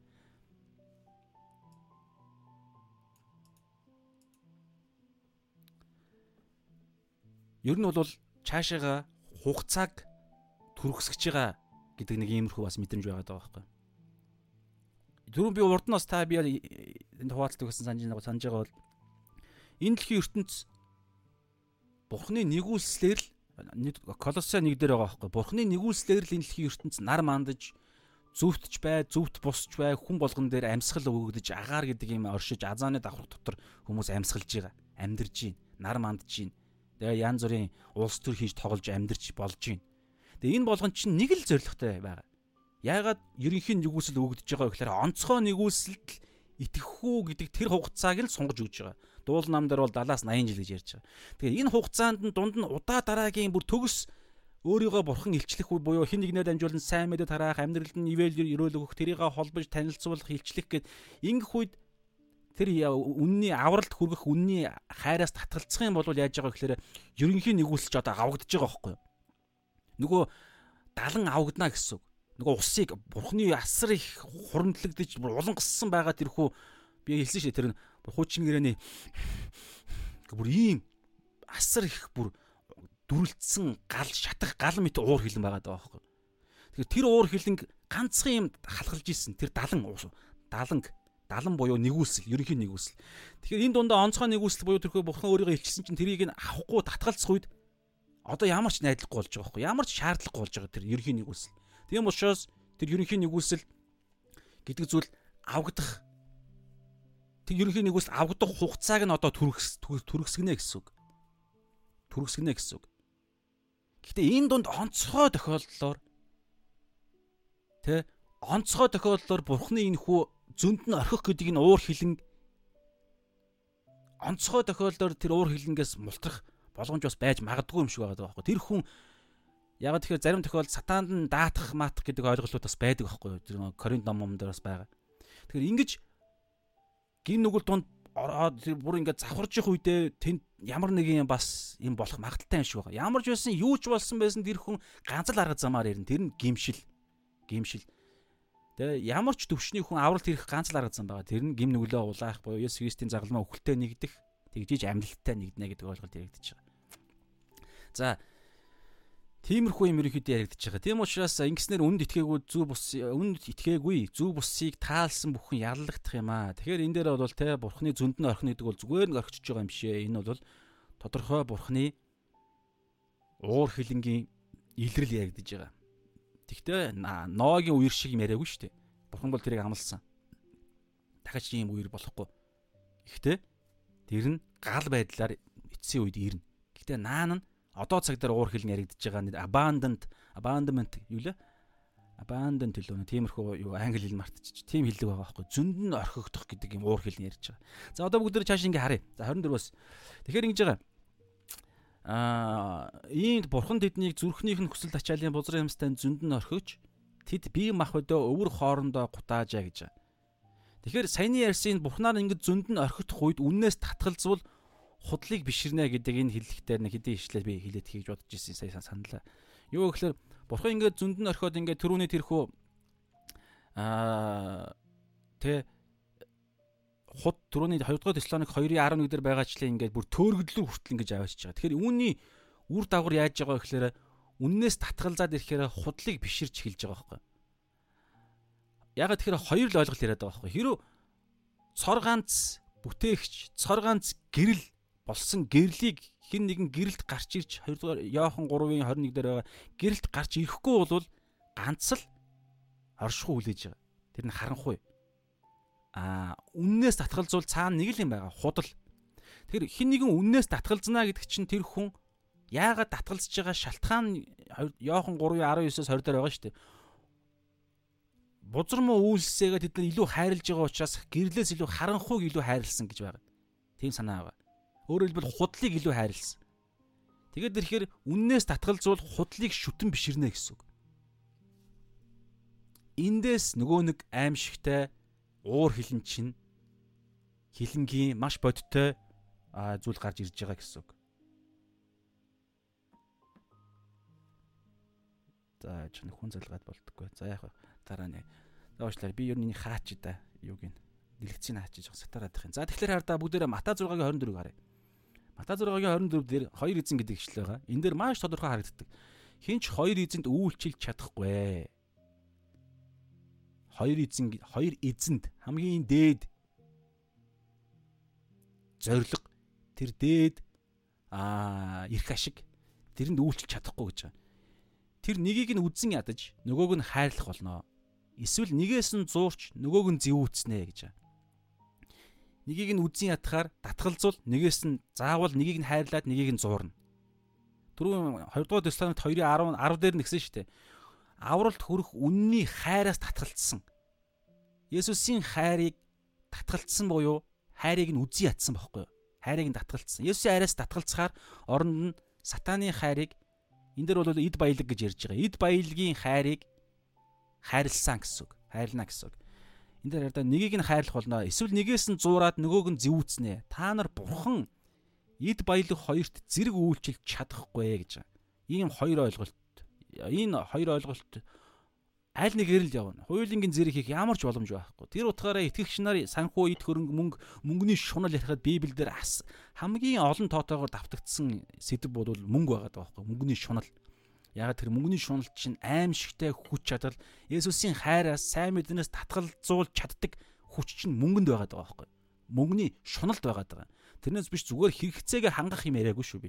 Мөнгөний шунал гэж ярьж байгаа. Нэгдүгээр Тимот 6-гийн 6-аас та 10-ыг уншаарай. Маш тодорхой байгаа шүү. Тэрүүгээр бүр судлал хийвэл маш гоё. За Эфес энэ энэ дээр гэж байгаа байхгүй? Арда эд баялаг хоёрт зэрэг үйлж үйлж чадахгүй. Би энэ дээр хараа эд баялагийг болвол нөгөө худал хуурмаг гэж илжлээ шүү дээ. Сатан худал хуурмаг. Тэгэхээр энийг бол англи хэл дээр бол маммон гэдэг үг байгаа. За энэ бол яг хуу эд баялаг гэсэн санаа байгаа. Гэхдээ одоо би бас нэг бүр ишлэлээр батлая. Эфес 5-ын 5 дугаар ишлэл дээр Эфес 5-ын 5 садарлагч, бузрыг үйлдэгч, шунхайрагч мөн ярьж байна. Садрыг садарлагч, бузрыг үйлдэгч, шунхайрагч. Тэгэнгүүтлээ энэ дээр яг Монгол хэл дээр бол тухайлбал шүтэн шүтгч альва хүнд Христийн болон Бурхны хаанчлалд өв байхгүй гэдгийг та нар мэд гэж байгаа. Их хэлмэл ингээд харьцуулаад ингээд арай өөр байдлаар ингээд орчуулж болж байгаа байхгүй. Тэр нь тэр нь ямар орчуулга гарч иж байгаа гэхээр садарлагч, бузрыг үйлдэгч, шунхаарэгч гингүүтлээ таслал ч юм уу те хаалтан дотор биш таслал биш хаалтан дотор шунхаарэгч гэдэг үг нь энэ нь шүтэн шүтгч юм аа гэдэг хэллэг байгаа байхгүй англи хэл дээр олон нөгөө нэг яг орчуулгууд дээр мундаг мундаг орчуулгууд дээр шунхаарэгч энэ нь шүтэн шүтгэний хэлбэр юм аа гэдэг байдлаар. Та бүр цаашин судлаараа яг тэгж байгаа. Тэгэхээр юу хэлэх гээд байна вөхөр мөнгөнд шунхаарах гэдэг нь өөрөө шүтэн байхгүй юу? Өөр өөр газар ч гисэн байгаа. Одоо саяны Матай 6-гийн 24 дэх гэсэн хэлж байгаа сте. Хоёр эзэн буюу тэр хүн шүтэн бишрэх юм яриад нь штэ эзэн. Тэгээд тэгэн шилэнгүүтлээ хоёрын нэгэн дээр нь бурхан өөрийгөө тавьчихж байгааз. Тэгэхээр яалтчгүй шүтэн бишрэх юм ярьж байгаа. Тэгэхээр шүтэн ярина гэсэн үг. Шүтэн. Аа яг бурханыг шүтэх гэдэг юм зөв штэ. Харин бурханнаас бусад юмыг шүтвэл тэр нь хиймэл шүтэн болдог. Хуурамч шүтэн. Тэгэхээр хоёр эзэн ярихад нэг тал дээр нь бурхан нөгөө тал дээр нь эд баялаг ярьж байгаа байхгүй. Тэгэхээр эд баялагийг эзнээ болгож явж байгаа нь шүтэн шүтэх байхгүй юу? Бурханы оронд дээр нь тавьж гинэ гэсэн. Тэгэхээр бурхнаас бусад бүх зүйл ямар ч юм байж болно. Эхнэр үр хүүхэд те одоо юу ч байж болно. Бурхан л яг цорын ганц бурхан биш л бол тэр бол шууд тэр хүн тамд орох мөнхийн гин нүгэл. Там тамдаа биш те хамгийн одоо энэ нөгөө нэг үннээс татгалзах гэдэг ихний итгэл сүсэггүй гэдэг юм ярьж байгаа байхгүй. Энэ хэрүү Есүсийн оронд Бурхны оронд өөр ямар нэгэн ямиг эзнээ болгоо шүтэнэ болгол эн чин хамгийн том хамгийн аимшигтай хамгийн аюултай гим нүгэл. Энэ гим нүглээс бусад бүх юм нь гардаг. Тийм учраас энэ энэ дээр ярьж байгаа эн чинь бүр маш аимшигтай байгаа байхгүй. Зөнд нь орхигдно гэдэг нь ойлголт чинь. Тэгээд сургаалт өгс 1:28 дээр бас нэг гişл байгаа бүгд уншия. Сургаалт өгс 1:28-аас 31 дээр. Тэгээд тэд намайг дуудана. Энэ бол мэрэгэн үхс, мэрэгэн үхс ярьж байгаа байхгүй мэрэгэн үхс, мэрэгэн ухаан. Тэгээд тэд намайг дуудана. Би ис хариулна. Тэд намайг хичээнгүүлэн хайна. Би ис олдно. Учир нь тэд мэдлэг юугийн минь үзэн ядсан. Эзнээс эмэхүүгээс эмэхүүг ис сонгосон. Зөвлөгөөг минь тэд хүлээж аваагүй зэмлэлийг минь тэд хайхраагүй. Замналынхаа үр жимсийг тэгэхээр тэгэхээр итгэл болж, сэтсэндээ бас цадхал болж. За яаж байгаарэ би өмнөх ишлэгийг хараадах яа. Энд ийм аа маш гоё хэсэг байхгүй. За би ингээ 20-оос нь уншия л да. Та ингээд сонсож байгаа. Зүгээр шууд ингэж юм яриаггүй. Наа нэхэлж юм яригдсан. Боломж нь өгөгдсөн. За би уншия. Сургаалт төгс 1-ийн 20-оос 31 20-оос 31-ийг уншаадах гэсэн үг мэрэгэн ухааны дуудлага гэдэг гарчиг дор. Гудамд ч мэрэгэн ухаан хашгирч, талбайд ч өндөр дуугаар дуугарч байна. Энэ мэрэгэн ухаан гэдэг үгийг та шууд сайн мэдээгээ ойлгочих болно шүү. Сайн мэдээ. Есүсийн талаарх үнэн гэсэн үг. Бурхны талаарх үнэн. Тэгэхээр сайн мэдээ буюу мэрэгэн ухаан, мэрэгэн ухааны чинь төгс илэрлэн сайн мэдээ дотор байгаа даа байхгүй. Тэгэхээр алиг баримж та ойлгож болно шүү. За би уншлаа. Гудамд ч мэрэгэн ухаан буюу сайн мэдээ хашгирч, талбайд ч өндөр дуугаар дуугарч, олон хөлийн газарч орилж хотын гулдан хаалганы үүдэнд ч бас үгсээ тэр өгүүлрэн гинэнчүүдээ та нар хэдий болтол гиндэл мунхаглаа хайрлах вэ? Хэр удаан басамжлагсад басамжлаа багтаж мунхгууд мэдлэгийг үзэн ядах вэ? Гисгээл тэд минь иргэн ханд. Тэгвэл би сүнсээ та нар дээр бялхуулна үгээ би та нарт мэдүүлнэ. Дуутахад минь та нар үл хэрэгссэн далн даллан сунгах гарыг минь ис хинч ис анхаарсан тул зөвлгөөг минь та нар үл ойшоон гисгээлтийг минь ис хүссэн учир гай гаймшиг дээр чинь би инээн айдас нүмерхэд чинь би илэглэн. Энд нөгөө нэг зөнд нь орхих процесс явагдаж байна. Айдас та нар дээр шуурга мэт ирэхэд ч гай гаймшиг та нарыг хуй мэт нүмерх үйтч зовлон шаналл шаналн ба гай дотгор та нар дээр буух цагт ч би тийм хандна. За одоо сонсоор. Тэгээд тэд намайг дуудана. За одоо энэ дээр хар та. Тэгээд тэд намайг дууд дараагаар надад бурхны үннийг татгалцсаны дараагаар нь үннийг татгалцснаас гарах үр дагавар гарч иж байгаа байхгүй. Тэр үр дагавар дунд хүртэл тэд дуудна гэдэг юм ярьж байна да. Тэгээд тэд намайг дуудана. Би эс хариулна. Тэд намайг хичээнгүүлэн хайна. Би эс олдно. Учир нь тэд мэдлэг юуг юм нь үзэн ятсан. Эзнээс эмээх үг сонгосон. Зөвлгөөг минь тэд хүлээж аваагүй. Зэмлэлийг минь тэд хайхраагүй. Одоо үр дагавар нь замлын замлынхаа үр жимсийг тэгхээр итгэл болж сэтсэндээ бас цадгал болж гэж. Тэгэхээр бурхан зүгээр нэг хүмүүсүүдийг зоочт юм биш. Зүгээр нэг юм сатан энлхий дээр нэг шудрыг хаанчлаад сатан энлхий дээр хаанчлаад ингээд бузар мог ингээд бурханы бүтээл дээр ноёрхоод байгаа юм биш байхгүй. Хүн төрлөختөн сонголтоо хийсэн учраас бурхан зөндөнд орхиж. За За тэгэхээр одоо бүгдээрээ 10 24-ийнхаа дараагийн хэсэг рүү оръё. Тэгэхээр энэ дэр ингэж байгаа да бурхан иймд бурхан тэднийг зүрхнийх нь хүсэл тачаалын бузар юмстай зөнд нь орхиж. Сая зөнд нь орхих гэдэг дээр нь бид нар ярьсан. Одоо бүгдээрээ нэг зүйлийг ярина. Бузар хүсэл тачаалд нь зөнд нь орхих гэдэг ойлголт. Бузар хүсэл тачаал. Ер нь энэ хүсэл тачаал гэж ярихаар хүсэл тачаал гэж ярихаар бузар юм яригдаад байгаа байхгүй юу? Бузар хүсэл тачаалд нь одоо last for last гэж яриад байгаа байхгүй тэр нэг бузар муу хүсэл тачаалд нь зөнд нь орхих. Тэгээ энэ хүсэл тачаалд ямар хүсэл тачаал вэ гэхээр зүрхтэй нягт нягт холбогдсон. Зүрхнийх нь бүр ингээ хэсэг болцсон. Зүрхтэйгээ няс холбогдсон тийм хүсэл тачаал ярьж байгаа. Тэгээ энэ бузар муу зүрх зүрхнийх нь бузар муу хүсэл тачаал дотор нь хүсэл тачаалд нь ингээ зөнд нь орхиж байгаа. Гэхдээ ингэж орхиж байгаа нь энэ нэг зүйл рүү чиглэж байгаа байгаа байхгүй. Тэрний юу гэхээр бузар байдал, цэвэр бус байдал руу чиглэж байгаа. Ийм зөнд нь орхилж шүү.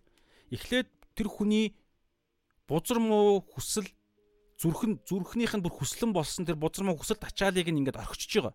Гэтэ ингэж орхих нь өөрөө цаашаага нэг үр дагаврыг гаргаад байгаа байхгүй. Тэрний өөхөр бузар байдал гэж байгаа. Uncleanness эсвэл бол те impurity ч юм уу тийм бузар байдал гэдэг юм орхиж байгаа байхгүй.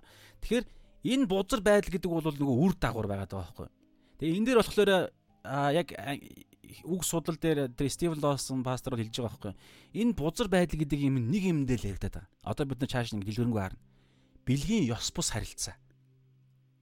Тэгэхээр билгийн ёс бус харилцаа гэдэг бол энэ бузар байдлын хамгийн доод илэрлэл нь байгаа байхгүй. Та сонсч ирсэн бол дамаа одоо энэ дэр ижил хүүстэн ярина. Тэгэхээр энэ ижил хүүстэн буюу тэр билгийн ёс бус байдал чинь нөгөө бурханаас татгалцсан үннийг үннээс татгалцсан хүмүүсүүдийг бурхан зөнд нь орхиж байгаагийн үр дагавар нагаад байгаа байхгүй хамгийн доод үр дагавар. Тэгээ энэ энэ зүйл хэрүү тэр хүн дээр илэрвэл аимшигтай байгаа даа байхгүй. Тэгэхээр энэ тэр утгаараа одоо хараа өмнө бид нар үтсэн шүү дээ. Одоо энэ дээр байгаа лөө. А өмнө бас үтсэн тэр нөгөө нэг мэрэгэн гэж 22 дээр хэлсэн шүү дээ. Бид мэрэгэн гэж ярьж байгаа. А энэ доорч гэсэн бид нараас үтсэн. Ерөнхийдөө бол ингээд үннээс татгалцах гэдэг энэ ойлголт нь шүү дээ. Зөвхөн итгэгч биш хүмүүс дээр бас хэлэхгүй байгаа байхгүй. Библийн ерөнхий хам сэдвийн дагуу бол ямар нэгэн урсгал байж болно. Одоо Христ итгэл протестант урсгал доторх урсгалууд гэж байгаа шүү дээ. Тэгэхээр ямар нэгэн урсгалууд Библийн үннээс татгалцах юм бол адилхан юм үр дагавар гарч байгаа байхгүй. Бүхэн зөнд нь орхиж байгаа гэсэн санаа. Зөнд нь орхих буюу ингээд худал хуурмууг ингээд цаашаага ингээд тэрэнд живх гэдэг ойлголт. Ингээд ирэхээр одоо нэг Америкт гараад байгаа нөгөө ойлголтууд. Ижил хүүстэн пастор, ижил хүүстэн итгэгчдийг ижил хүүстэн итгэгч байж болно гэдэг ойлголт. Тэг ингэж хэлж байгаа энэ иймэрхүү юм ярихаар те ижил хүүстэн итгэгч болж болохгүй мө гэдэг юм яриаггүй шүү. Итгэгч болж болно. Гэтэ итгэгч болоход тэр гимшлээ ярих хэвээр тухайн ижил хүүстэн тэр бузар муу хүсэлт ачаал нь Будсан муугийнх гэдгийг хүлэн зөвшөөрөх юм ярьдаг, дахин төрөх гэдэг юм ярьдаг. Тэгснээрээ ариун сүнс дотор нь ажиллаа хийгээд ижил хүүстэн байхаа болох ёстой. Болдог. Ариун сүнс ингэж чаддаг. Тэр утгаараа зүрхнийх байж ижил жинхэнэ дахин төрөлд жинхэнэ гимшил байж иж жинхэнэ Есүсийг эзнээ болгох жинхэнэ гимээ улаах байж иж тэр хүн ижил хүүстэн байхаа болно гэдэг юм ярьдаг. Гэтэл үнэхээр Есүсийн хайрыг магтан дуулаад гой гой одоо жишээн дээр пентатоник гэдэг нэг акапелла хамтлаг байна шүү дээ. Тэр хамтлаг бол бидний хамтлагийг бол итгэж мүү эсгийг би мэдэхгүй.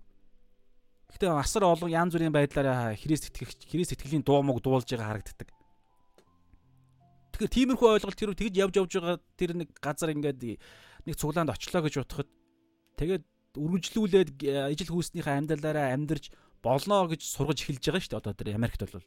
Тэгэхээр иймэрхүү ойлголт байна гэдэг чинь нөгөө нэг үннээс татгалзаж байгаа гэдэг ойлголт байхгүй. Тэгэхээр итгэгч биш цуглаан, итгэгч биш бишээ итгэгч а хүмүүс дотроо те ямар нэгэн жинхэнэ библийн үннээс татгалцах юм бол яг энэ бурхны уур хилэн хүртнэ гэсэн үг байхгүй.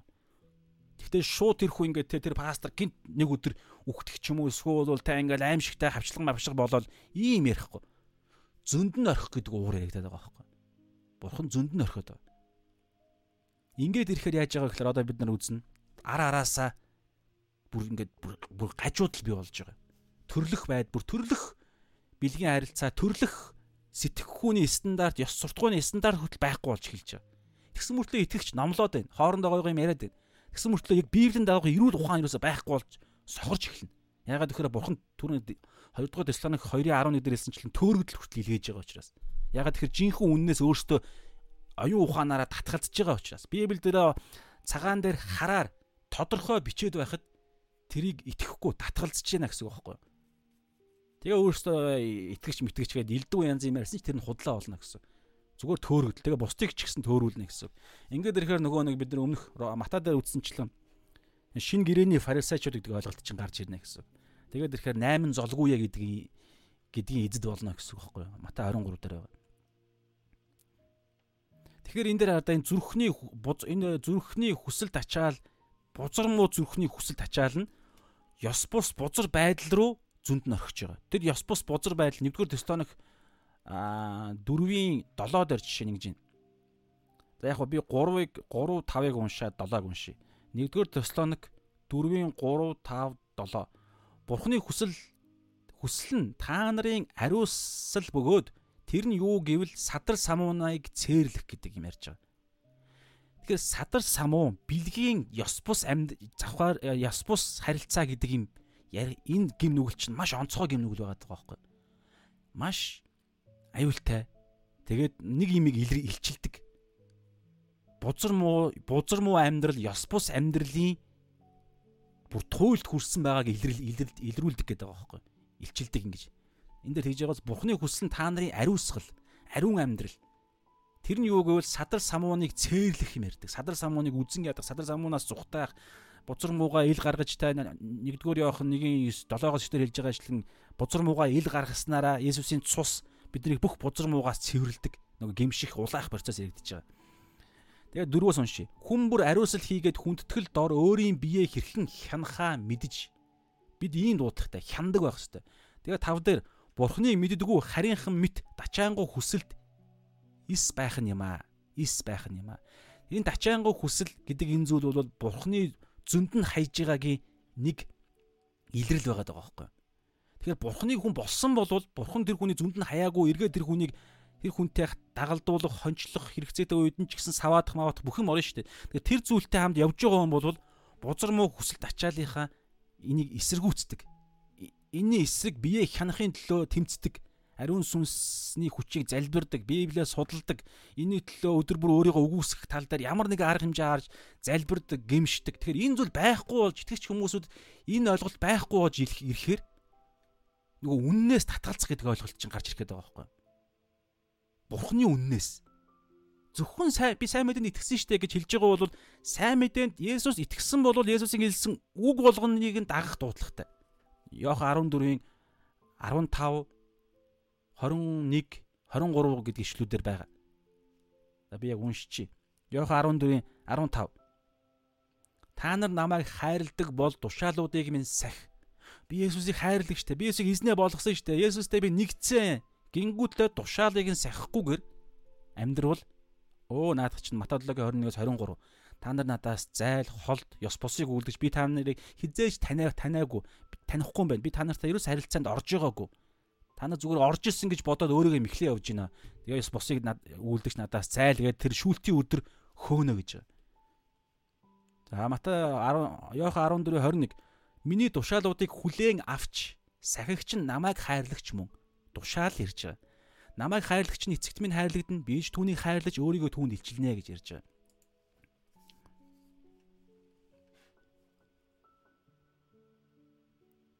Тэгэхээр бэлгийн ёс бус харилцаа энэ дөр бол бүх юм ярьж байгаа. Бүх юм ярьж байгаа. За одоо бүгдээрээ саяны Теслоникийнхаа а 6 7-ыг нь уншия. 1-р Теслоник 4-ийн 7. Учир нь бурхан биднийг цэвэр бус байд цэвэр бусын тулд бус харин ариусгал дуудсан мөлий. Энэ цэвэр бус гэдэг үг чинь түрүүний яг өнөөдөр үзэж байгаа 24 дугаар ишлэлээр хүүг байхгүй юу?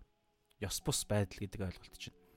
За тэгэнгүүтлээ Галаад 5-ын 5-аас 19 дээр Харин махуудын үйлс нь илэрхий юм а. Эдгээр нь завхаарл, бузар дачаал, садарлал энэ нэг ишлэл дотор байж тээ байж болох бүх үг ороод ирж байгаа байхгүй. Нөгөө яг завхааралтай энэ sexual immorality, impurity, нэг нь sensuality гэсэн байсан баха. ESV дээр л тийм баг шиг байсан. Тэгэхээр ер нь садрал самуу энэ бэлгийн ёс бус харилцаа, завхаарл, садарлал энтэй бүх юм орж байгаа байхгүй. Юу юу орж байгаа гэхээр тодорхой юмнууд би хэлсэн дээр тэгхгүй болох байх те. Хүмүүс төрөгдөлд орж магадгүй учраас аа за миний яг яг санаж байгаа ойлгож байгаагаар бол тодорхойнууд нь юу вэ гэхээр угаасаа гэрлэлтээс цорын ганц ихнэрээсээ гадуурх бүх бэлгийн харилцаанууд орж байгаа. Харилцаанууд орно. Тэр бүх гэдэг дээр бол оюун бодолтой садар самаа бодох нь хүртэл орж байгаа. Орж байгаа. Аа бүх төрлийн одоо тий гэр бүлтэй болоогүй ганц би хүний амьдрал дээр бол нөгөө нэг порно, гар хангалга аа тэ зүгээр одоо юу гэдэг юм бие үнэлэгч авах ч юм уу эсвэл зүгээр гэрэлтээс өмнөх бэлгийн харилцаа марилцаа бүгд орж байгаа. Бүгд орж байгаа байхгүй. Ягаад тэгэхээр эдгээр чинь бүгд махуудын хүсэл. Хараа харин махуудын үйлс илэрхий юм а. Эдгээр нь завхаарл, бузар дашаа, садарлал. Тэгэхээр эдгээр зүйлсүүд тодорхой байгаа Библиэлд. Тэгэхэд эдгээр зүйлсүүдийг аа Гэхдээ гэж яагаад ямар нэгэн ишл мишлэр ингээ батлах гад ингээд ингээд ингээд оролдоод ийм эрэл хайгуул хайж ихтгэх юм бол үннээс бид татгалзаж байгаа байгаа байхгүй.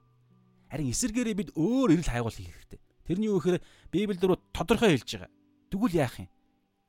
Тэгсэн ч гэсэн чадахгүй байгаад байна. Эзэн минь яах вэ? А ядаж эндээс зүү эхлэх хэлж байгаа байхгүй. Эхлэн зүү байгаад байгаа. Эхлээ хүлээн зөвшөөрөх хэрэгтэй. Бид үнэхээр бузар муу, завхаарагч, садарлагч бузар муу байгаад байна. Би дорой байна, чадахгүй байна. Эзэн туслаач гэгээд ариун сүнсний тусламж яаж энэ худал хуурмгийг ялах вэ гэдэг үнний эрэл хайгуул. Есүсийн дотор энийг ялах ямар хүчүүд биднэрт өгөгдсөн гэдэг эрэл хайгуулууд. Тэрнээс биш те ян зүрийн худал хуурмаг холилдсон тайлбарыг оруулж ирэнгүүтлээ өө би одоо юу гэдэг яг бодиттой би хин нэгэн унтаагүй байна. Биш ээ. Тэг яг бодиттой унтаагүй байна. Тийм учраас одоо юу гэдэг порно үзэх гар хангалга бол завхаарал биш байхаа ялгаа байхгүй бид ирчүүд бүгд ийм зүйлийг бодоод энэ зүйлтэй үзэж харж байгаа шүү дээ. Тийм учраас бид хамгийн гол зорилго юу вэ гэхээр энэ дэлхий дээр хэн бай хэн гэж харагдах нь биш.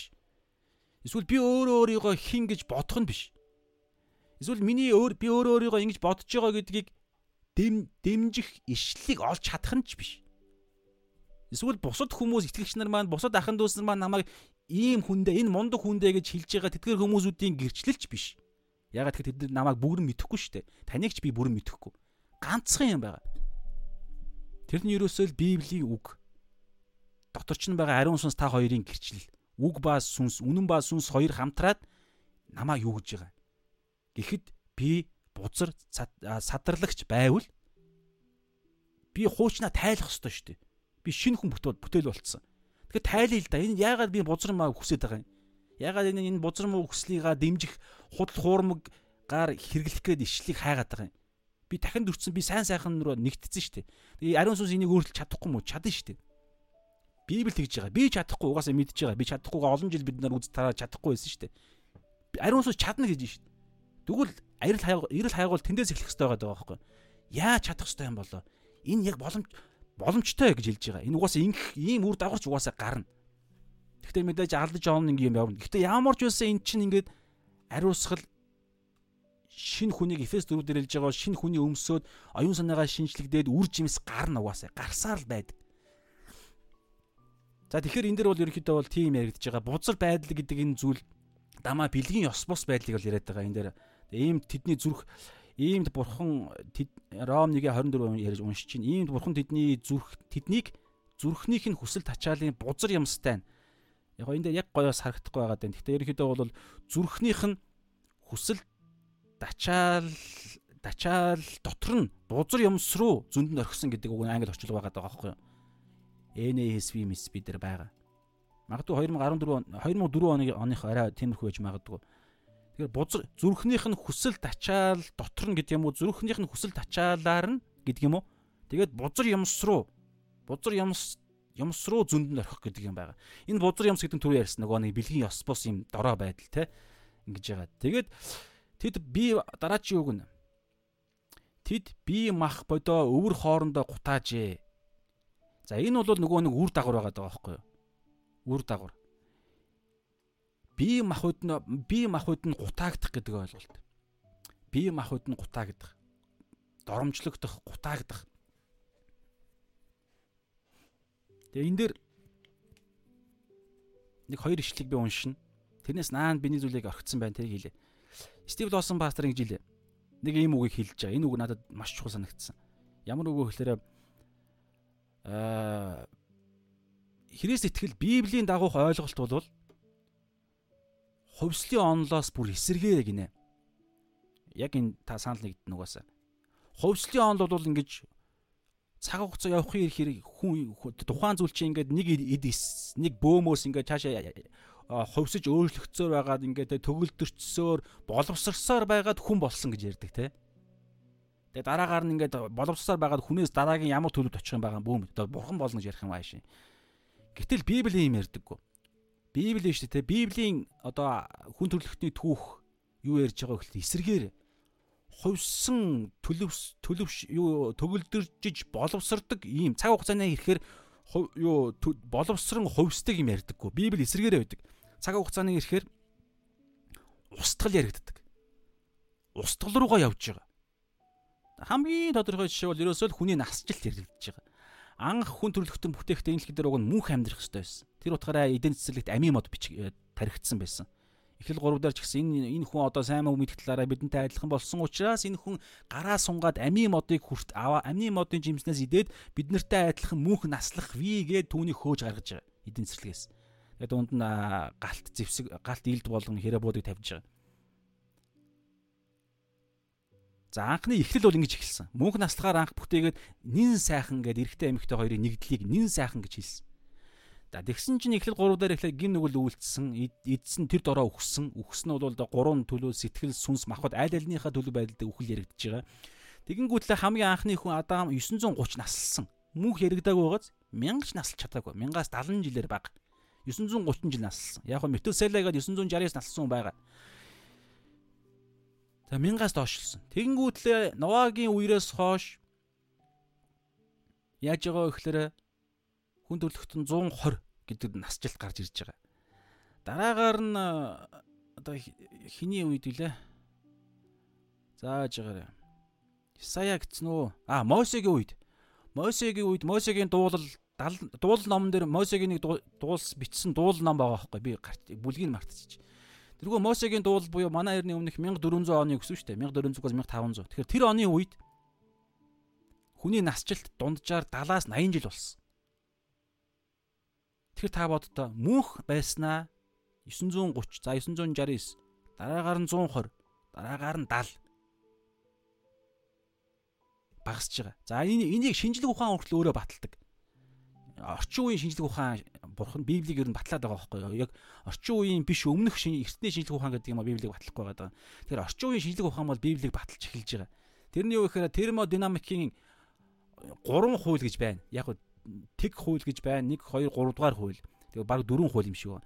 Тэгэхээр энэний 2 дугаар хууль дээр нэг ийм хууль байгаа байхгүй. Мэдээж янз бүрийн юм ярьж байгаа. Тэр юм бисаа ойлгоогүй. Гэхдээ ерөнхий ингээд яг ингээд те ингээд хамгийн ойлгомжтойгоор YouTube-аас ингээд термодинамикийн 2 дугаар хууль гэж судлахаар ерөнхий нэг санаа цаана юу гарч иж байгаа гэхээр цаг хугацаа өнгөрхийн хэрээр альва энерги устдаг гэдэг ойлголт байхгүй устдаг. Одоо энэ энэ хамгийн энгийн жишээ энэ кофе халуу би одоо эхлэхэд гой халуун эхэлсэн. Одоо ингээ хөрцсөн бүлээсэж байгаа байхгүй. Маргааш ихэд энэ хүү хүтэн болно. Хэрвээ энэ дэлхий дээр нар байхгүй бол энэ хөлдөн. Яг энтэй адилхан хүний бие ч гэсэн цаг хугацаа явахын хэрээр хөрдөг. Тэгээ хүн ингээд хамгийн сүүлдээ сүнс нь авах үед хүн эд ис бүгд хөрөөд хөдөлгөөн байхгүй болоод хөдөлгөөнгүй болоод тэгээд хөрөөд зүйлдээ хөлдөөд тэгээд уусдаг. Тэгэхээр юу хэлж байгаа гэхээр энэ дэлхийн ертөнцид эхлэл байсан, энэ дэлхийн ертөнцид төгсгөл байгаа. Тэгэхээр хувьслын онол энэ эсэргээр байгаад, хувьслын онолоос шал эсэргээр байгаад байгаа байхгүй. Устдаг, устдах, устгалын онол явагдаж байгаа. Гим нүглээс болоод. Аа тэгээд эцэстээ энэ дэлхийн ертөнцид нар мар бүгд шатаад дуусаад бүх зүйл ингээд дуусах юм ойлголт буюу нөгөө нэг нар шатаж дуусгаач наа нь эзэн ирэх байх л та. Тэгээд ингээд энэ дэлхийн ертөнц ус дуусны дараагаар нь шин тэнгэр газар бүтээгдэх үед цоо шин юм бүтээгдэнэ гэж ярьж байгаа. Тэгээ энийг би юутай холбож түрүү ингээд ойлгож ярьж байгаа гэхээр бузар муу хүсэл тачаал тэр завхрал бузар муу хүсэл тачаал бузар байдал гэдэг бол ерөнхийдөө бүр ингээд дороотл яригдж байгаа байхгүй юу? бурхан бурхан хэрэг оролцохгүй бол бурхан зөндөнд орхих юм бол энэ дэлхийн ертөнц бүр ингээд завхарсаар завхарсаар харанхуй ноёрхсоо ноёрхсоор хуудлах хуумг ноёрхсоо ноёрхсоор энэ зөвхөн шинжлэх ухаан байгальж яриад ярьж байгаа. Түрүүн бол байгаль шинжлэх ухаан ярьлаа шүү дээ, тэ. Матер, эд баяр, матер, цаг хугацаа, орон зай ирсэн. Одоо сүнслэг ойлголтон дээр хүртэл ялгаа байхгүй. Бурхан хэрэг зөндөнд орхиод холдоод ингээ хайчих юм бол нөгөө талд нь харанхуй хүч, худал хуурмгийн хүч буюу сатан орж ирэл бүр завхруулсаа завхруулсаа тэр хүний эцэст нь амийн аваад дуусна. Тийм ярьж байгаа. За тэгээ бүгдээ нэг хоёр ишлэг харъя. 1-р Коринт 6-гийн 15-аас 20 дээр нэг юм байгаа байхгүй. Яг 6-гийн 15-ыг 18-аас 20 дээр. За 1-р Коринт 6-гийн 15. Бис чинь Христийн эргэтнүүд гэдгийг та нар мэдэхгүй гэж юу? Тэгвэл би Христийн эргэтнүүдийг авч тэдгэрийг янхны эргэтнүүд болгох уу? Огт үгүй. Тэгэхээр бид итгэж хүмүүс бол бидний махуд бурхангүй байх төлөв байдлын буюу бурхан хэрэг байхгүй бол байж болох хамгийн бузар муу төлөв байдлын байдал чинь түрүү яриад штэ бэлгийн ёс бус харил амьдрал. Тэгэхээр ийм байдал итгэгч хүмүүсүүдэд байна гэж юу гэдэг юм ярьж байгааз. Бис чинь Христийн эргэтнүүд гэдгийг та нар мэдэхгүй гэж юу? Тэгвэл би Христийн эргэтнүүдийг авч тэдгэрийг янхны эргэтнүүд болгох уу? Огт үгүй. За 16 сонсоорой. Янхантай нийлсэн нь түүнтэй нэг бий болно. Тэгэхээр худал хуурмагтай нэгтгэл юм бол худал хуурмгийн мөнхийн ял шитгэл буюу мөнхийн галтнуур там тамал яригдана. Тэгэхээр Христийнх болсон мөртлөө мах бодороо чөтгөрийн эргэтэнтэй нэгдэх буюу тэр завхаарлын амьдралаар амьдрна гэдэг ойлголт ерөөсөө байхгүй. Библи бол маш тодорхой хэлж байгаа. Одоо би уншия. За За энэ дээр цааш нь дуусчих 16 га 1-р Коринт 6-гийн 16. Янхандаа нийслэн түүнтэй нэг бий болно гэдгийг та нар мэдэхгүй гэж учир нь хоёр нь нэг бах хоёр нь нэг махбат болно гэсэн юм аа. Харин эзэнтэй нийлсэн түүнтэй нэг сүнс болоо. Тэр эзэнтэй нийлсэн бол худал хуурамгаас салдаг, салахыг хүсдэг, салах салахын төлөө тэмцдэг, гимшдэг. Тэгээ босч ирээ дахиж үлдэхгүй төлөө үннийг ирж ирж хайдаг, ариун сүнснээс залбирэн гуйдаг тэмцдэг тулалддаг гэсэн үг. Энд чинь дэлхийд чинь Христ сэтгэлийн амьдрал бол тулааны амьдрал. Зүгээр жаргалын амьдрал биш байхгүй. Бид мөнхөө усад л жаргана. Дөгч байгаа. Гэхдээ энэ дэлхий дээр бид тэр жаргал бидний хувьд чухал биш байхгүй. Энэ дэлхий дээр бидний хувьд бидний хувьд юу чухал вэ гэхээр ариун амьдрал. Есүсийн дотор алхах гэдэг бол бидний хамгийн том жаргал энэ бидний төлөө маш чухал. Ягаад тэгэхээр энэ зүйлээс чинь бусад бүх зүйл шалтгаалж байгаа учраас мөнхөө улсад яаж амьдрах нь шалтгаална. Тэр утгаа мөнхөө улсад орох үгүй нь шалтгаална. Гэтэ би ингэж хэлснээрээ авар үйлсээр аврагдах юм яриаггүй шүү. Яг аврагдсан хүн бол ийм үр жимс заавал гардаг гэдэг байгаа байхгүй юу? Тэр утгаараа хин Библиэд бас нэг юм ярьж байгаа нь хүн өөрийгөө мэхлээд явах боломжтой гэдэг юм ярьдаг. Мата 7-гийн 21-оос 23. Тэр утгаараа Коринтер ч гэсэн сүнсээ шалгах гэж байгаа байхгүй. Тэр утгаараа үнэхээр аврагдсан мөн эсгээ бид шалгах ёстой. Өөрсдийнхөө мөнхийн хувь тавилангийнхаа төлөө. Тийм утгаараа би бузар муу завхаарлыг үзен ядаж энэний эсрэг тэмцэх тийм хүсэл надад байна уу? Эсвэл энэ энэ бидний хувьд эзэн болцсон яваад байна уу? Тэгээд эннийхээ төлөө зүгээр Библийг ашиглаад байна уу? Библийн зарим зарим нэгэн шилүүдийг Тэгээ одоо энэ мэдчлээ ингээ хин нэгэн танд юм ярихаар та тэрийг хүлээн зөвшөөрж гимшилт гаргаж ирэх тийм танд сэтэл цаан чинь хандлага бодол төрж гин үү? А төрж ивэл а энд өөр юм яригдчихэж байгаа байхгүй. Аврагдсан дахин төрсэн хүний үр жимсний шинж тэмдэг илэрж байна гэсэн. Харин тийм ээ би мэдрээд үнэхээр би хэцүү байна гэж ивэл болж гинэ гэсэн үг байхгүй. А тэгээд эндээсээ би дараагийн шат руу орох нь юу вэ гэхээр Библиэд судалж, үннээ судалж, залбирч, бясалгаж түрүү энэ дээр хэлсэнтэй хянамга бай гэж түрүү уншсан. Сонор сэмжтэй хянамга махбодоо хянах байдлаар энэний төлөө үзэд таарж тэмцэнэ гэсэн үг. Тулалаа тулаан яригдана гэсэн үг. Тодорхой хэмжээний өвдөлт хүртэл яригдана гэсэн үг. Үхэх ёстой үхэл хүртэл яригдана. Үхэл гэдэг чинь өвдөлт яригдана гэсэн үг. Махбодын хүслээ өхүүлэх. Библи бол ийм ирж байгаа. Тэгэхээр энэний төлөө явъя гэдэг ихээр ганцхан юм яригдана. Ариун сүнсний хүчээр. Өөр ямар ч боломж байхгүй. А тэр ариун сүнс өөрөө бид Библийн үннийг мэдэх мэдлэгийг ашиглаж тэр мэдлэгэн дээр хүч орох өгөх байдлаар яриад байгаа байхгүй юу? Бид нар дээр ажилдаг. Тэрнээс биш үнэн байхгүйгээр зөвхөн нэг юм сонин те нэг юм мухар сүсэг ч юм уу эсвэл нэг заримдаа харизматикийн харизматик урсгалын заримдаа хэтрүүлсэн бас хэлбэрүүд байдаг те. Библиус уншдаггүй, Библийн үг гэхээс илүүгээр ингээд нэг юм сонин юм нэг юм байдлыг тэгээд юр бусын байдлаас хүч аваа тэгээд ялах юм яриад байдаг гэтэл худлыг тэгж ялдаггүй байгаа даа байхгүй худлыг үннээр л ялна. Тэгэхээр үнэн гэдэг чинь сүнслэг ийм нэг юм юм нэг юм тэг хийсүр хов ховслын орон зай биш шүү дээ.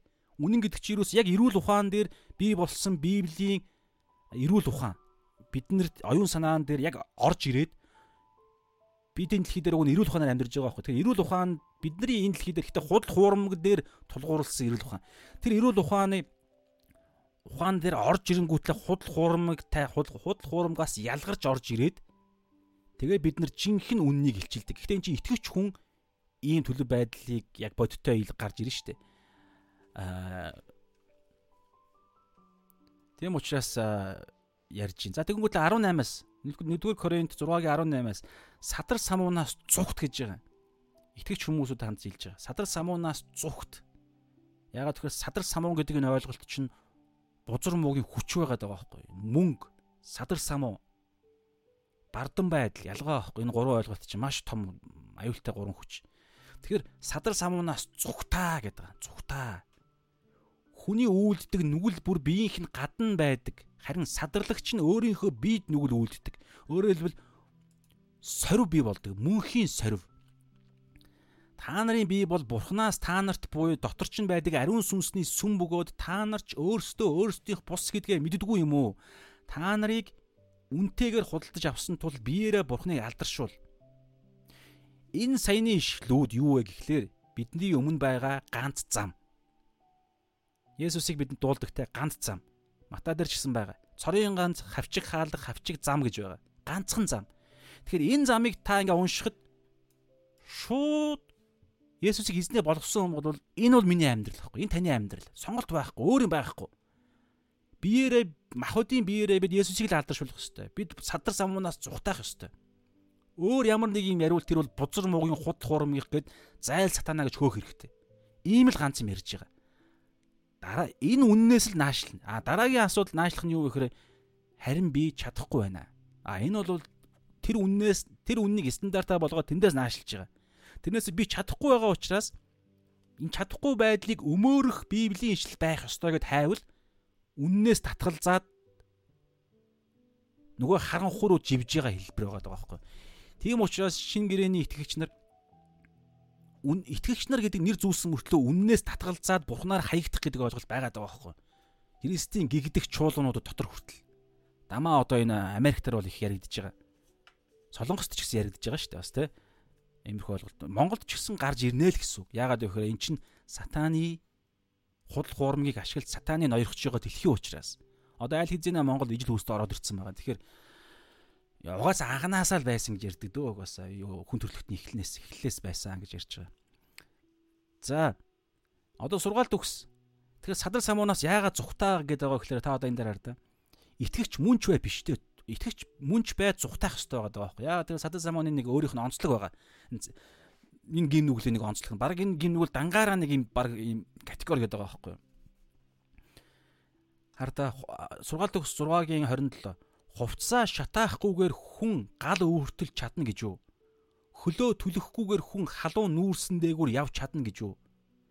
Хөршийнхөө ихнэр дээр ордог хүн ийм буюу хөршийнхөө ихнэрт хүрдэг хүн бүхэн шийтгэгднэ гэж. Тэгэхээр хардаа садар самуун гэдэг бол гал байгаад байгаа байхгүй юу? Гал. Гал нь шийтгэл.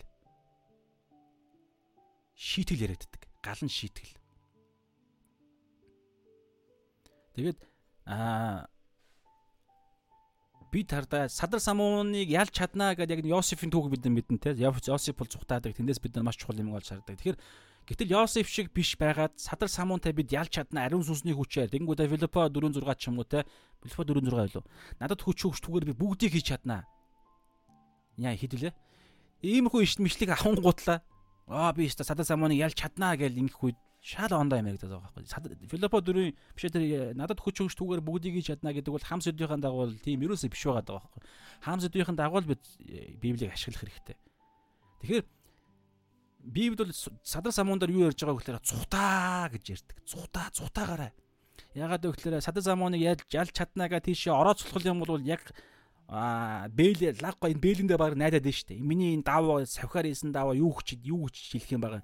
Тэнгүүтлээ би энэ энэ галтай нүүрсийг би барьж чаднаа гэж барьсан чинь шууд шатна гар нь шатна гар нь түлэгдэнэ. Тэр сорив болохоор яах вэ гэхээр байх байгаад байгаа байхгүй. Итгэж хүмүүс дээр хүртэл гими үр дагавар нь байна. Тэр утгаараа ингэ нэгсэн шүү дээ. Мм.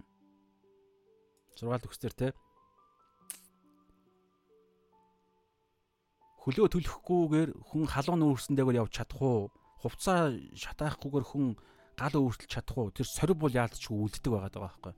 Тэгээ түрүүн Коринтер бас энэ биеийн биеийн эсрэг садар хүний үйлддэг нүгэл бүр биеийнх нь гадна байдаг. Харин садарлагч садарлагч нь өөрийнхөө биед нүгэл үйлддэг гэдэг байгаа байхгүй.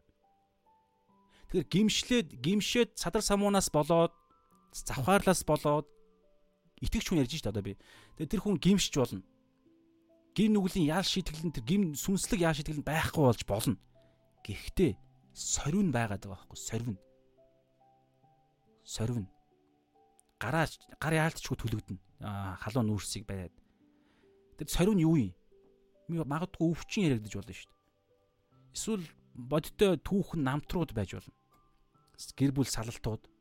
Эсвэл үнэхээр ихнэр нь жуужсан нөхөр нь жууж бурхан бол уучлал нугасаа Тэгээд эхнэр нь ч гэсэн уучлж болно. Гэтэл эхнэрийн дотор сориун үлдэнэ.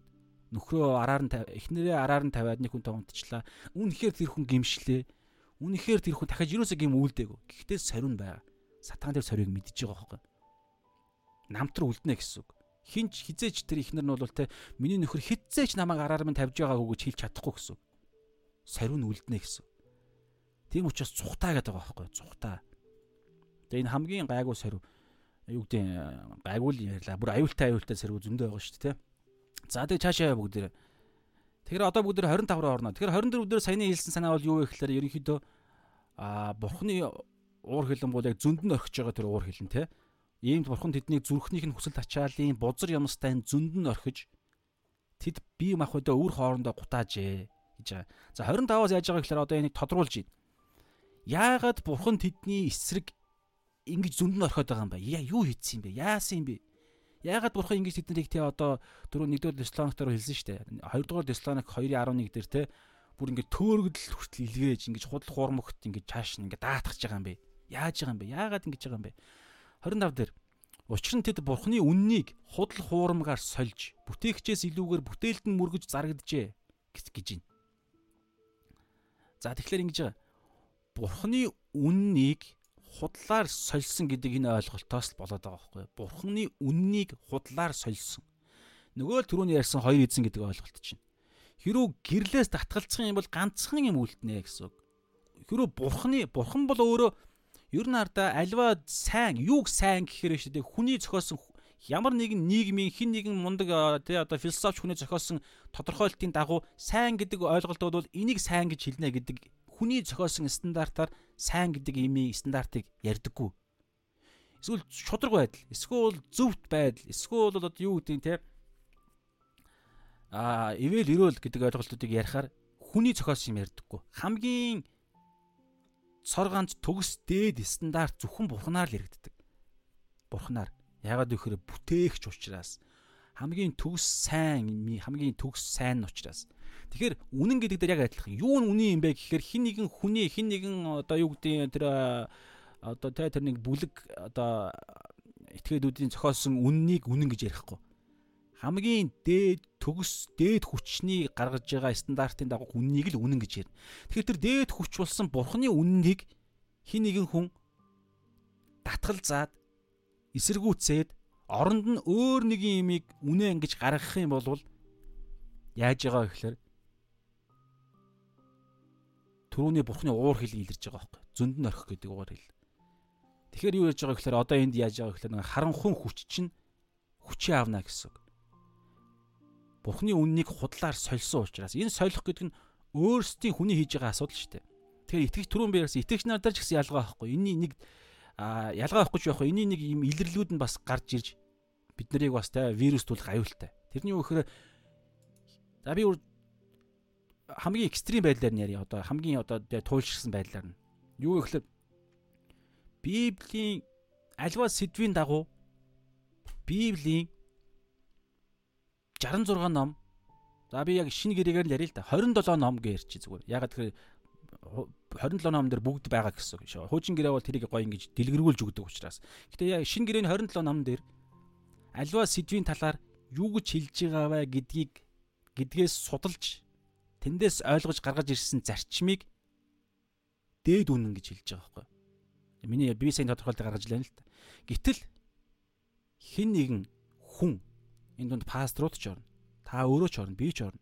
Тэгэхээр хин нэгэн хүний тухайн сэдвийн талаарх энэ бол үнэн юм аа. Энэ сэдв дээр бурхан ингэж хэлдэгэ гэж бурханы нэрийг бариад тэр 60 60 27 ном буюу Библийн хэлж байгаа санааг бүгдийг нь гаргаж ирээд тэр хүний цогц үнэн хэлэхгүйгээр нэг талт үнэн хэлээд энэ бол туйлын үнэн юм ба энүүгээр л явах хэрэгтэй гэдэг нэг юм тавихад хүртэл энд асуудал үүсэж байгаа. Тэгээ энийг хамгийн гол нь энэ бол цорын ганц туйлын үнэн юм аа. Энэ үнэн л энэ энэ ийм л байх ёстой. Тэгэхээр энэний өөр тал өөр юм ярихад хүртэл аа наад чинь худлаа гэдэг ийм нөх юм гаргаж ирж байгаа чи хүртэл аа худал гэсэн үг. Тэр тухайн юм чинь үнний нэг хэсэг боловч төгс биш байхгүй. Гэхдээ энэ дундаа би ерөнхий зүгээр зарчим яриад энэ. Гэхдээ ерөнхий гол хэлэх гээд байгаа санаа юу гэхээр яг тодорхой ийм үнэнгүүд байдаг. Олон талгүй шууд ганц талтай. Шууд ерөөсөө нөгөө аврал ярьдагтай адилхан. Түүний садар самуунтай яг адилхан. Завхаар л бол садар сам бол энэ бол гин нүглийн маш хүнд хатуу төлөвөө гэдэг юм уу те. Тэг хүний биеийн эсрэг бид өөрсдийнхөө биеийн эсрэг үйлддэг. Садар самуунаас цухтаах ёстой. Тэг энэ дээр байгаа штэ. Би доош нь уншия. Түрүү би уншиж байгаа мартчих. Аа 1-р Коринт дээр бишээ. Аа Галат дээр байсан болоо. За энэ дээр хараа Галат дээр харин махуудын үйлс нь илэрхий юм а эдгээр нь завхаарл бузар дачаа садарлал шүтэн шүтлэг эд дайсгнал ингээд ингээд ингээд явж гутлаа. Атаархал аригталт утга учиргүй нагд сингэх зэрэг юм а би өөрдөн та нарт сануулж байсан ч л өөрчлөн сануулаа. Ийм үйлсийг үйлдэгчид бурхны хаанчлыг өвлөхгүй. Энэ бол библиэд тодорхой хэлсэн. Садар самуун завхаарагч садарлагч бузар дачаалтай ийм хүмүүс бурхны хаанчлыг өвлөхгүй Тэрх өөрийгөө би итгэгчтэй өвлөхгүй гэж хэлж байгаа байхгүй.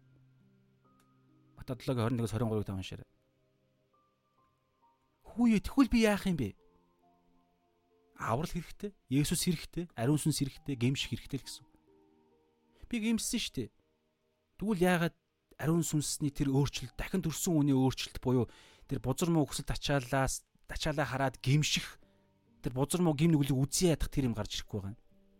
Саяны жишээ нь ингээд таар завхаар л бузар тачаал садарлал ингээд уншингуудаа тий шүтэн шүтлэг ижил дайсагнал маргаан харал дуур хилэн харгалдаан хаарал дэрсүүзэл атархал архитал учир утга учиргүй наргид сингэх зэрэг юм а. Би та нарт хэлье гэдэг. Энэ бухны аанчлыг өвлөхгүй гэж хэлэх үед амен гэж хэлээд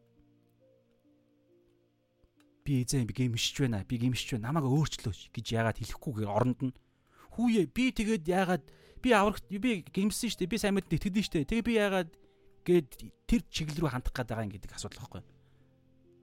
дотроо байгаа бузар мууг өмөрөөд би аврагдсан штэ бишээ би итгэсэн штэ би Есүсийг эзнээ болгосон штэ би баптизм бүрдсэн би сайн мэдээ дараадаг ингэдэг тэгдэг гэд хэлэнгүүтлээ энүүгээрээ бузар мууг халахлаад сатааны бузар мууг би ягаад энэ би би буюу энэ бузар муу завхаарлын энэ бузар муу юм маань ягаад мөнхөөс орж болохгүй гэж хэлэх гээд байгаа байхгүй. Орохгүй штэ ийм байхгүй. Бурхан бузар муутай хамт бурхан хамт байхгүй штэ а тэглээгээд одоо юу гэдэг нь те итгэвч хүн төгс бузар муу биш завхаарагч биш болж иж аврагдана гэдэг юм ярихгүй. Энийг юм хандлага яриад байгаа байхгүй. Харин тийм эзэн би үнэхээр бузар муу байна. Яаж өөрчлөгдөх вэ? Миний одоо би шинэ дахин төрсөн бол ингэс үг шүү дээ. Харин тийм ээ би үнэхээр би эзэнтэйгээ адилхан ариун байхыг хүсэж байна. Би дахиж би ерөөсөө бузар муу завхаарал те одоо энэ юу байна? Хэрүүл маргаан харслал хагарал дэрс үзэл атаархмааргүй байна. Би архитмааргүй байна. Би утга учиргүй наргид сэнгмээргүй байна. Надад туслаач ээ буюу Мата 5-ын 3 сүнсэндээ ядуу. А ийм төлөв байдал чинь аврагдсан хүний төлөв байдал байгаа даа. Тэгээ эн чинь дандаа ариусгал итгэлээс итгэл өөрчлөгддөг. Тэрнээс биш те та аврагдсан үнэгүй аварсан гэсэн мөртлөө намайг ийм байхаар та намайг аврахгүй гэдэг юм уу? Тэгвэл та худлаа ирсэн байна маа нэгэд ингээд заргалтах гээд байгаа төлөв байдал бол худал хуурмгийн төлөв байдал буруу байгаад байгаа байхгүй. Гэтэ одоо энийг ингээд ярихад тийм төлөв байдал байсан ч гэсэн энийг ярихад яа тийм биш те би бас тэгжсэн байж те гэд гимшчихвэл бас ондоо юм чинь. Тэгэхээр нэг иймэрхүү сүнсний нэг юм үнний стандартын дагуу ингээ ярихад тэр хүн эзэн зүрхийг хардаг байгаа байхгүй. Тэрнээс биш үйлцснийхэн дараагаар нь ингээ үйлсийг харангуутлаа аа эн чин тийм байна би бас буруу харж байсан юм биш бурхан чинь ирээдүг мэддэг учраас omniscience мөн чанартай учраас зүрхний хандлагыг хараад аа энэ хүн гимж чинь энэ хүн үннээ олж харж байна. Тэгээд ирээдүг хардаг гэдэг байгаа шүү дээ. Тэр утгаараа энэ хүний энэ хандлага нь цаашаа яаж үрж юмсэнд хүрхийг нүрт харж байгаа гэсэн үг. А тэрнээс би хуур бухны хуур нэж байхгүй. Өө тийм байх тийм байх амаа амаа гэтээ яаж өөрчлөх вэ? Туслаараа гिचингүүдлээ цаашаа хараад. Заавал одоо хинтээ яах вэ ийх гэж бодож байгаа юм бол бурхан тэр 10 минут 5 минутын өмнө те тим эз минь би өөрчлөгдмөр би завхаармааргүй байна би архитмааргүй байна гэж залбирчаад цааш харангуутлаа за ямар ч байсан би хэлэх хэлэх хэлэх ёстой үгийг нь би илчлээ тэгэхээр одоо ямар ч байсан аюулгүй болчлоо. Одоо харин би энэ цаашаа яаж арх уух вэ гэд ингэж байгаа тэрийг 5 минутын өмнө угаасаа харж ирсэн гэсэн үг байхгүй. Тэр утгаараа тэр хүн юу хүчтэй эзэн минь намайг өөрчлөө юу яаж өөрчлөгдөх вэ, өөрчлөгдөх вэ гэд залбирж та дотроо за ингэ газ хэлчихээ. Тэгээд хэлчихэд газ гарч архитий. Гийм байдалтай байсыг мэдсэн л гэсэн үг зүгээр. Би бурхан биш болохоор зүгээр ерөнхийн нэг мэдрээд байгаа зүйлээ танд хаваалцах гэдэг анзаарж байгаа. За цаашаа яваа бүгдээрээ. Тэгэхээр ингэж байгаа байхгүй юу? 25-аас те тэдэнд бурхны үнэн байсан. Бид нэр өмнө хэлсэн шүү дээ. Бурхныг мэдсэн атлаа. 21 дээр Тэд бурхныг мэдсэн атлаа бурхан гэж түүнийг алдаршуулаагүй түн талархал өгөөгүй харин оронд нь хийм шүтэн өөртөө зохиогоо тэрэнд алдрыг өргөсөн гэж ярьж байгаа. Тэгэхээр тэд нар бурхныг бурхны үнэн байгаа тэгээ бурхны үнэн тэднэрт байгаа. Тэд нар мэддэг. Гэхдээ яаж байгаа гэхээр өөрсдийнхөө сонголтоороо зориудаар санаатайгаар тэд нар үннээс татгалзаж байгаа байхгүй. Татгалзаад бүтээгчээс татгалцсан гэсэн үг. Хамгийн дээд хүчээс, дээд стандартаас татгалзсан гутлаа оронд нь яаж байгаа гэхээр бурхан байдаг гэдэг үнэн тэр мэдлэгээ ашиглангуутлаа бүтээл бүтээлүүд өөрсдөө гаргаад тэгээ бурхан бидэнд зориулж өгсөн гэсэн үг чинь тэр бүтээлийг өөрсдийнхөө дээр тавьснараа өөрсдөө тэр эрх мэдл юу гэдэг тэр бузар мууга а дээд хүч биш доо зүгээр мяа гаруудаар тий мяа одоо тэр ойлголтоор би өөрийнхөөгээр ярьж байна л да. Тэрийг дээрээ тавьчихгуутлаа худ хурмыг тавьчихгуутлаа энэ бол үнэ. Энэ үнний дагуу би бол тий ингээд шал худлаа ям зохиогоод дунд нь өөрсдийнхөө үйлсээ үйлдэх боломжоо гаргаж байгаа байхгүй ерөнхийдөө бол. Тэгэхээр бүтээлд нь мөргөж үйлчилж байгаа. Бүтээл бүтээгчээс нь илүүгээр бүтээлд нь мөргөж үйлчилж байгаа. Тэгэхээр яаж ийм дороотолд ирж байгаа вэ гэхээр угаасаа бурхны үннээс татгалцсан учраас тэгээ гэрлээс татгалзаж байгаа учраас үр дагавар нь шууд харанхуур орж байгаа байхгүй. Гэхдээ саяны миний ярьсан шиг ингэж ийм аймаар бодож бодохгүй л ахaltaа мэдээж. Яаж байгаа гэхээр тэд нар зүгээр хамгийн ихнийхээ нэг юм сэтэл дээр үннээс татгалзаад гэрлийг унтраачих үед харанхуй нь шууд араа араасаа ингээд те харанхуй ирүүл ухаан гэх юм уу харанхуй тэр нэг юм учир шалт учир зүүн ойлголтоороо ингээд араараасаа ингээд нэг юм өөрсдийнх нь хувьд мэрэгүү ухаан үнэн бол үнэн гэсэн ойлголтуудыг гаргаж ирээд байгаа байхгүй. Тэр утгаараа хэрүү бидний дэлхийн стандартаар бид үнэн хийж явбал заримдаа бид нар яах вэ гэхээр дэлхийн хүмүүсүүдийн арга замаар нь дэлхийн хүмүүсүүдтэй одоо юу гэдгийг за өрсөлдөн гэдэг юм уу мэтгэлцэн ч гэдэг юм уу те тэдгэр хүмүүсүүдийг а одоо өөрийн болох гэж оролдох ч юм уу ямар нэгэн байдлаар ингээд тиймэрхүү байдлаар явах юм бол бид ялагдах байхгүй.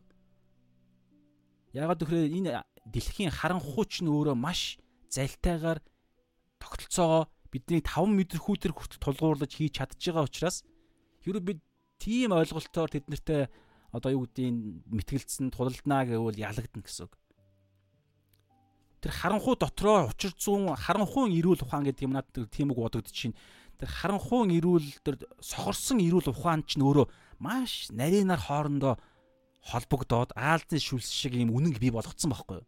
Тэр утгаараа хэрүү та одоо юу гэдэг нь те нийгэм дээр гарч ирэл бид дэлхийн хүмүүстэй адилхан бол дэлхийн хүмүүстэй мөр зэрэгцэж алхах чийж бид нар дунд нь орж байгаа сайн мэдээ гэдэг энэ сайн мэдээ тараа өөрчлөлийн өөрчлөлийг чи яривал маш үнэнтэйгээ буюу гэрэлтэйгээ библи судалтайгаа библитэйгаа те бурхантайгаа босоо чиглэлийн харилцаа төгс байж ижил тийш орно.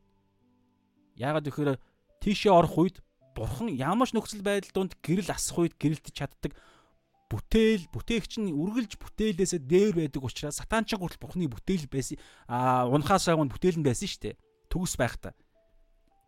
Тэгэхээр унс нь энэс бүр илүү илүү хүчтэй гэсэн үг шүү дээ төгс байхдаа хүртэл түүний бүтээл байсан. Гин үглээс өмнө унахаас өмнө.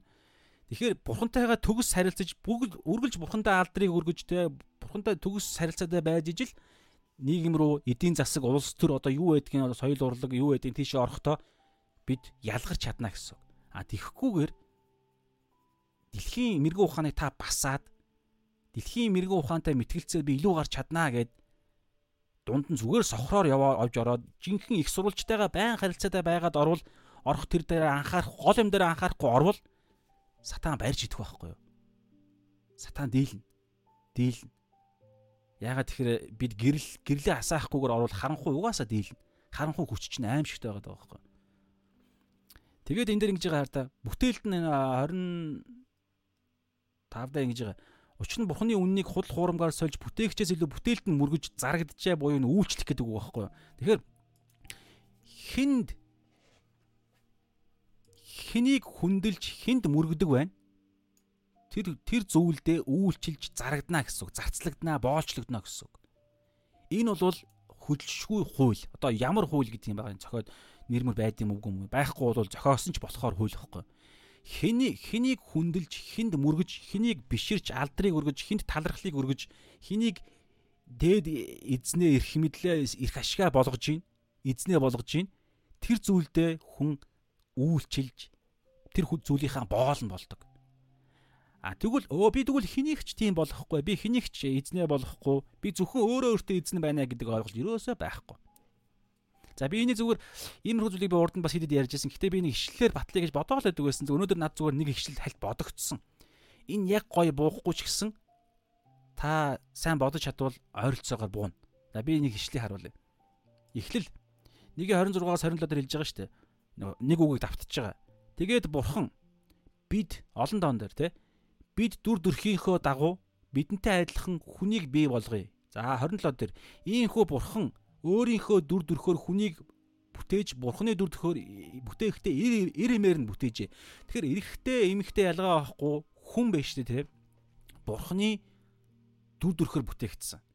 За энэ дээр надад түрүүний тэр олон тоон дээр би зүгээр надад энэ өнөөдрийн нөгөө нэг түрүүн батлах гээд байгаа ишлийг нь хай гэж бодож исэн хэсэг надад бодогдсон байхгүй юу? Тэгэхээр айхтар би бол гажихгүй. Гэхдээ ерөнхийдөө бол ингээд э, босод өөр газар ч гэсэн батлах боломжтой гэж бодож байгаа. Юу гэхээр бурхны дүр төрх гэдэг дээр нэг төгс нэгдэл яригдчихэж байгаа байхгүй төгс нэгдэл. Энэ дэр ингэж штэ. Тэр тэгээд бурхан гэдэг нь Элохим гэдэг үг байхгүй энэ бол олон тоон дээр бас хэрэглэгддэг үг. Тэг хамгийн гол за энэ яах вэ? Гол нь энэ дээр хараа бид гэж байгааз. Бид олон тоон дээр. Бид дур төрхийнхаа дагуу. Энэ дээр ч гэсэн хараа ихэнт бурхан. Хамгийн ихний ишлэл. Ихэнт бурхан энэ бурхан гэдэг чинь олон тоон дээр хэрэглэдэг үг байгаа байхгүй. Тэнгэр газрыг бүтээжээ гэдэг энэ үйл үг нь болохоор нэг тоон дээр. Нэг хүн одоо бүтээцгээжээ биш. Нэг нэг өгүүлэх хүн тэгээд нэг өгүүлэх нэг өгүүлэх хүний хийгддэг үйл үг өгүүлэх өгүүлэхт хүн гэдэг юм уу те. Сони ойлголт байгааз бид гэдэг нь бурхан гэдэг нь олон тоон дээр бүтээжээ гэдэг нь нэг тоон дээр. Өөрөөр хэлбэл нэгдэл ярьдаг байхгүй? Гурвлын нэгдэл. Гурван хувь чанартай, бодгоол чанартай нэг бурхан гэж ярьдаг. За энийг би яагаад хэлэх гээд байгаа гэхээр Бурхан хүн төрлөختнийг бүтээхээс өмнө ийм нэгдэл тунд байсан. Йохан 17 даар ч хэлж байгаа. Сүнжийн суураас өмнө та намайг хайрлсан марилсан гэдээ эцэг хүү хоёр хоорондоо харилцааны юм ярьж байгаа байхгүй юу? Тэгэхээр гурвал бурханд бид итгэдэг шүү. Тэрнээс биш нэг бурхан ингээ гурван байдлаар ингээ өөр өөртөөгөө дүрд орсон нэг жүжиг тавьж байгаа юм шиг байдлаар зарим уурсгал ярьдаг. Тийм юусоо байхгүй. Тийм балаа юм юусоо байхгүй. Энэ бол гаж уурсгал шүү. Тэгэхээр гурвын бурхны төгс нэгдэл дунд бурхан байж байхдаа юу гэж хэлсэн гэж 26 27 дээр бид өөрсдийнхөө дүр төрхийн дагуу буюу бид нар ч гэсэн юм нэгдэл дотор бүтээгдсэн байхгүй юм нэгдэлд байхаар за тэр нэгдлийг нь би өвдөө юу гэж харж байгаа гэхээр би өвдөө ч явах угаасаа библийн дагуу ойлголт л тоо юу юу вэ гэхээр хэд хэдэн ойлголтоор ярьж болж байгаа юм би зүгээр өөрийн байдлаар хэлээ хэлээ нэгдүгээрт эрэгтэй эмэгтэй хоёр эр эм хоёрын нэгдэл ярьж байгаа гэхдээ энэ эр эмийн хоёрын нэгдэл чинь байж тээ ингээ зөвхөн хоёрын нэгдэл биш гурвын нэгдэл ярьж байгаа эрэгтэй эмэгтэй бурхан гурав бурхан гурав. Яагаад? Хаана бурхан гэж байгаа? Би нэшлэлээрээ байгаа. Эхлэл 2-ын 7 дээр байгаа аахгүй юу? 7 дээр санагдаад байна. Тэгэхэд бурхан аа тий газар шороноос хүнийг урлаад амин амьсгалыг нь хамраар нь үлээж оруулжээ. Ам зүгээр амьсгал биш ам. Ам мөнх ам.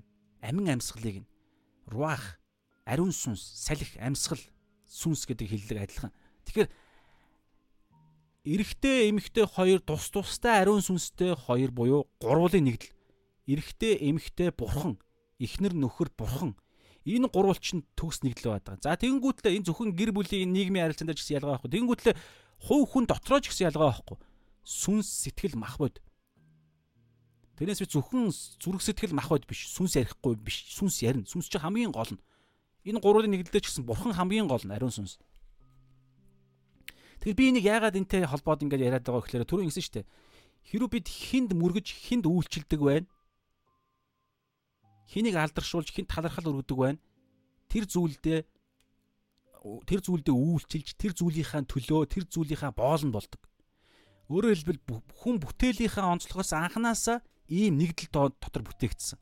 Бурхныг л хүндэлж, бурхныг л алдаршуулж, бурхны боол болж анханасаа энэ ариун энэ зүг гайхалтай нин сайхан гэдэг ойлголт чинь энэ баггүй. Бид бурхны боол байхаар бүтээгдсэн буюу бурхан өөрөө бидэнд эрх чөлөө, эрх мэдэл өгсөн. Гэхдээ бид өөрсдөө энэ эрх чөлөө, эрх мэдлээ эдлэгтэй бурхныхаа их сурулжаас амин амьсгал заавар зөвлөгөө хайр дэмжлэг хүчээр амьдрах зорилготой байсан. Тэгэхээр бурхныгаа цор ганц бүтээгч бурхныгаа хүндэлж биширж түүнийг эзнээ болж их ашигаа болгох ийм байдалтай анханасаа бүтээгдсэн гин нүглээс өмнө гэтэл дараагаар нь гин нүгэл үйлцснээрээ бурхнаа бид нэр хөөж гаргаад ч гэдэг юм уу те бурхан ариун сүнс дэшээ авагдаад эдэн цэцлэгээс хөөгдөөд Гэтэ яг хоо нэгүсэл болох тэр дахил махил гэдэг ойлголтоор тэгээ ингээд харилцаанд үргэлжлүүлээ явж байгаа. Авралын төлөлгөө эхлэл 3.15-ын загалмай дээрх сайн мэдээг эзэн хэрэгжүүлэх ёстой шүү дээ. Тэр утгаараа ингээд үргэлжлүүлээ эмгхтэй өр удмыг авч явахын тулд тэрхүү дахил гэдэг нэгүүлслийн тогтолцоогоор цааш нь амьдруулж байгаа. Гэхдээ яаж байгаа гэхээр тэгж яваагүй, ингэж яваагүй нь яаж байгаа гэхээр оронд нь өөр нэг хүчийг эзнээ болгож байгаа байхгүй. Тэр нь гим нүгэл махуудын хүсэл гэдгээр цаана илэрж байгаа сатан. Тэр утгаараа сатан энэлхийн ертөнцийг захираад байгаа нь тэр байхгүй. Тэгээд ирэхээр ерөнхийдөө нэг зүйлийг би ярих гэж бодлаа. Гэхдээ хэлэх гээд байгаа санаа юу гэхээр хүн анханасаа ямар ч хүн ямар ч үед ямар ч хүч чадалтай байсан хамаа байхгүй хүн болгон зайлшгүй нэг зүйлийг хүндэлж нэг зүйлийг мөргөж хүндэлж нэг зүйлийг алдаршуулж нэг зүйлд үйлчилж нэг зүйлийг эрх ашгаа болгон явах тийм бүтээлийн онцлогтой байхгүй хүн болгон та ямар үгүй би тийм байхгүй би шашингүй үзэлт ингээд ямар нэг юм хэлж болно тэр зүйл чинь хүртэл таны эзэн болж байгаа гэсэн үг юу вэ тийм гэр бүл байж болно эхнэр хүүхдүүд байж болно. Эсвэл мөнгө байж болно. Эсвэл бол шинжлэх ухаан байж болно. Эсвэл бүр би гэдэг үзэл байж болно. Одоо юу вэ? Ээж, аав, байгаль, майгал ямар нэгэн зүйлийг зорилгоо дээд ирэх мэдлээ болгох угаасаа бидний бүтээлийн онцлог байхгүй. Тэгэхээр харин хин вэ гэдэг юм ярьж байгаа. Ингээд ирэхээр Мата 6-гийн 24 түр хэлсэн шүү дээ. Хоёр юм ярьж байгаа. Эд баялаг, бурхан. Эд баялагын цаана бүх юм орж байгаа. Би гэдэг үзэл байхгүй. Би гэдэг үзлийн цаана би ээжийгаа, би эхнэрээ, би шинжлэх ухааныг би нотлох баримтыг одоо эсвэл би мөнгийг тэ эсвэл би нэр алдрыг эсвэл би өөрөө өөрийгөө ч юм уу тэр би би би гэдэг байгаа юм чи юусоо тэр чигээрээ цааш нь ингээд задраад ингээд том юм болохоор эд баялаг болж байгаа байхгүй. Эд баялаг гэдэг ойлголт. Мөнгө, маммон гэдэг. А нөгөө талдаа эсрэг талд нь ганцхан хүч байгаа. Тэр нь бурхан. Тэгээд хэрвээ энэ бурхныг хүн үгүйсгвэл энэ бурхны үннээс татгалзуул цаана ганцхан юм үлдэж байгаа нь харанхуй хүч байхгүй. Тэгэхээр гэрлийг унтраавал харанхуй угаасаа ноёрхно. Тэгээд харанхуй ноёрхоод ирэхээр яаж байгаа гэхээр хүн ерөөсөө үнний стандарт байха болж болчихж байгаа байхгүй.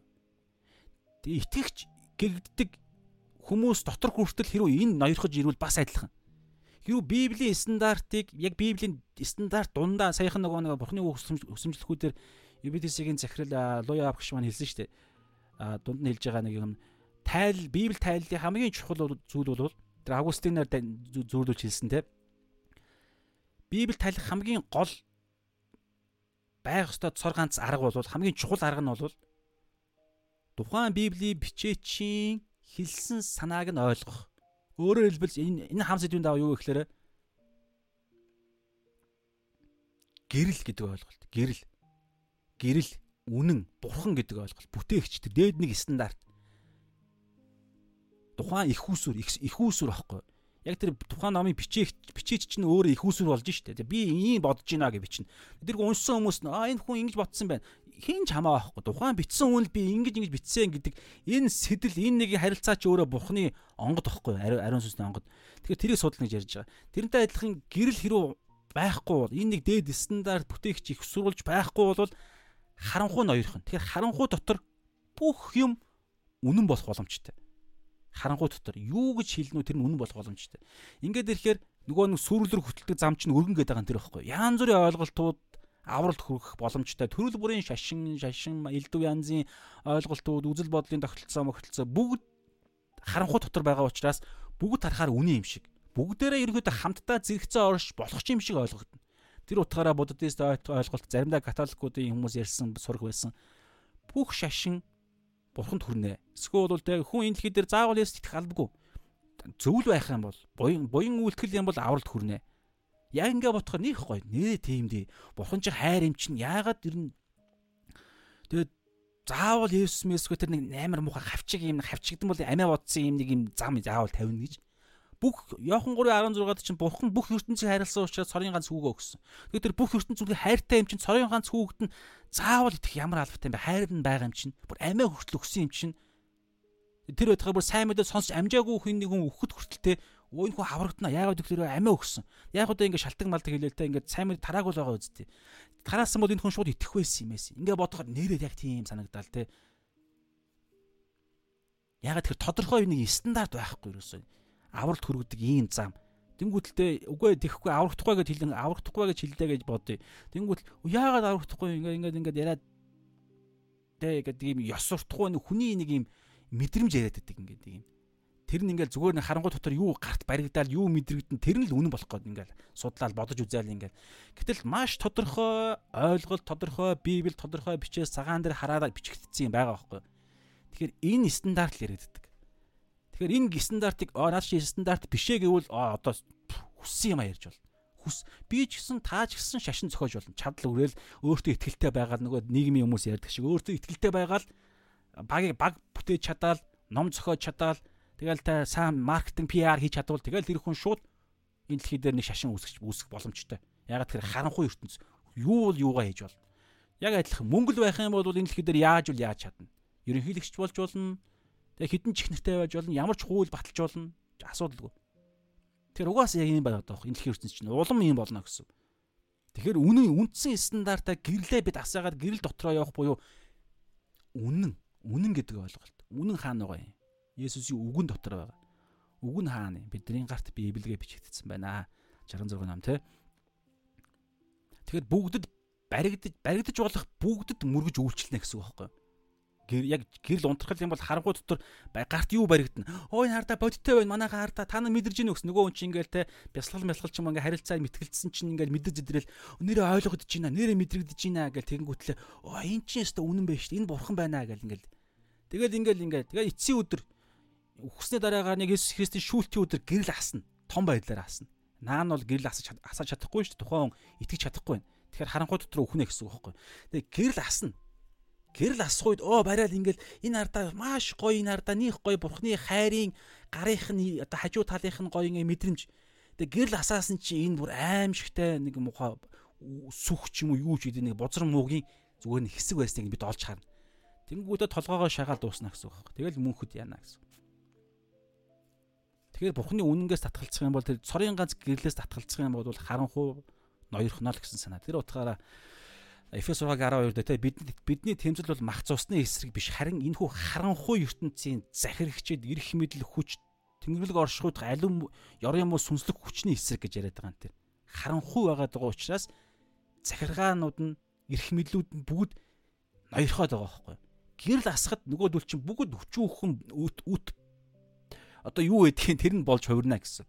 Гэрэл буюу Есүс Христэд итгэх үед ариун сүнс орж ирэх үед тэр бүх зүйлийг чинь бүтээсэн ариун сүнс биднэрт илчилт 3 дээр нүдийг минь тослох тос биднэрт өгөх үед харна. Тэгсэн чи ээ яана ийм юм байсан юм уу? Хүү юу араас нь үхэн хатан яваадсан бүр амьдралаа зориулаа те бөө юм болоодсэн зүйл чинь ард нь ийм аимшигтай юм байсан юм уу гэж харна гэсэн үг байхгүй.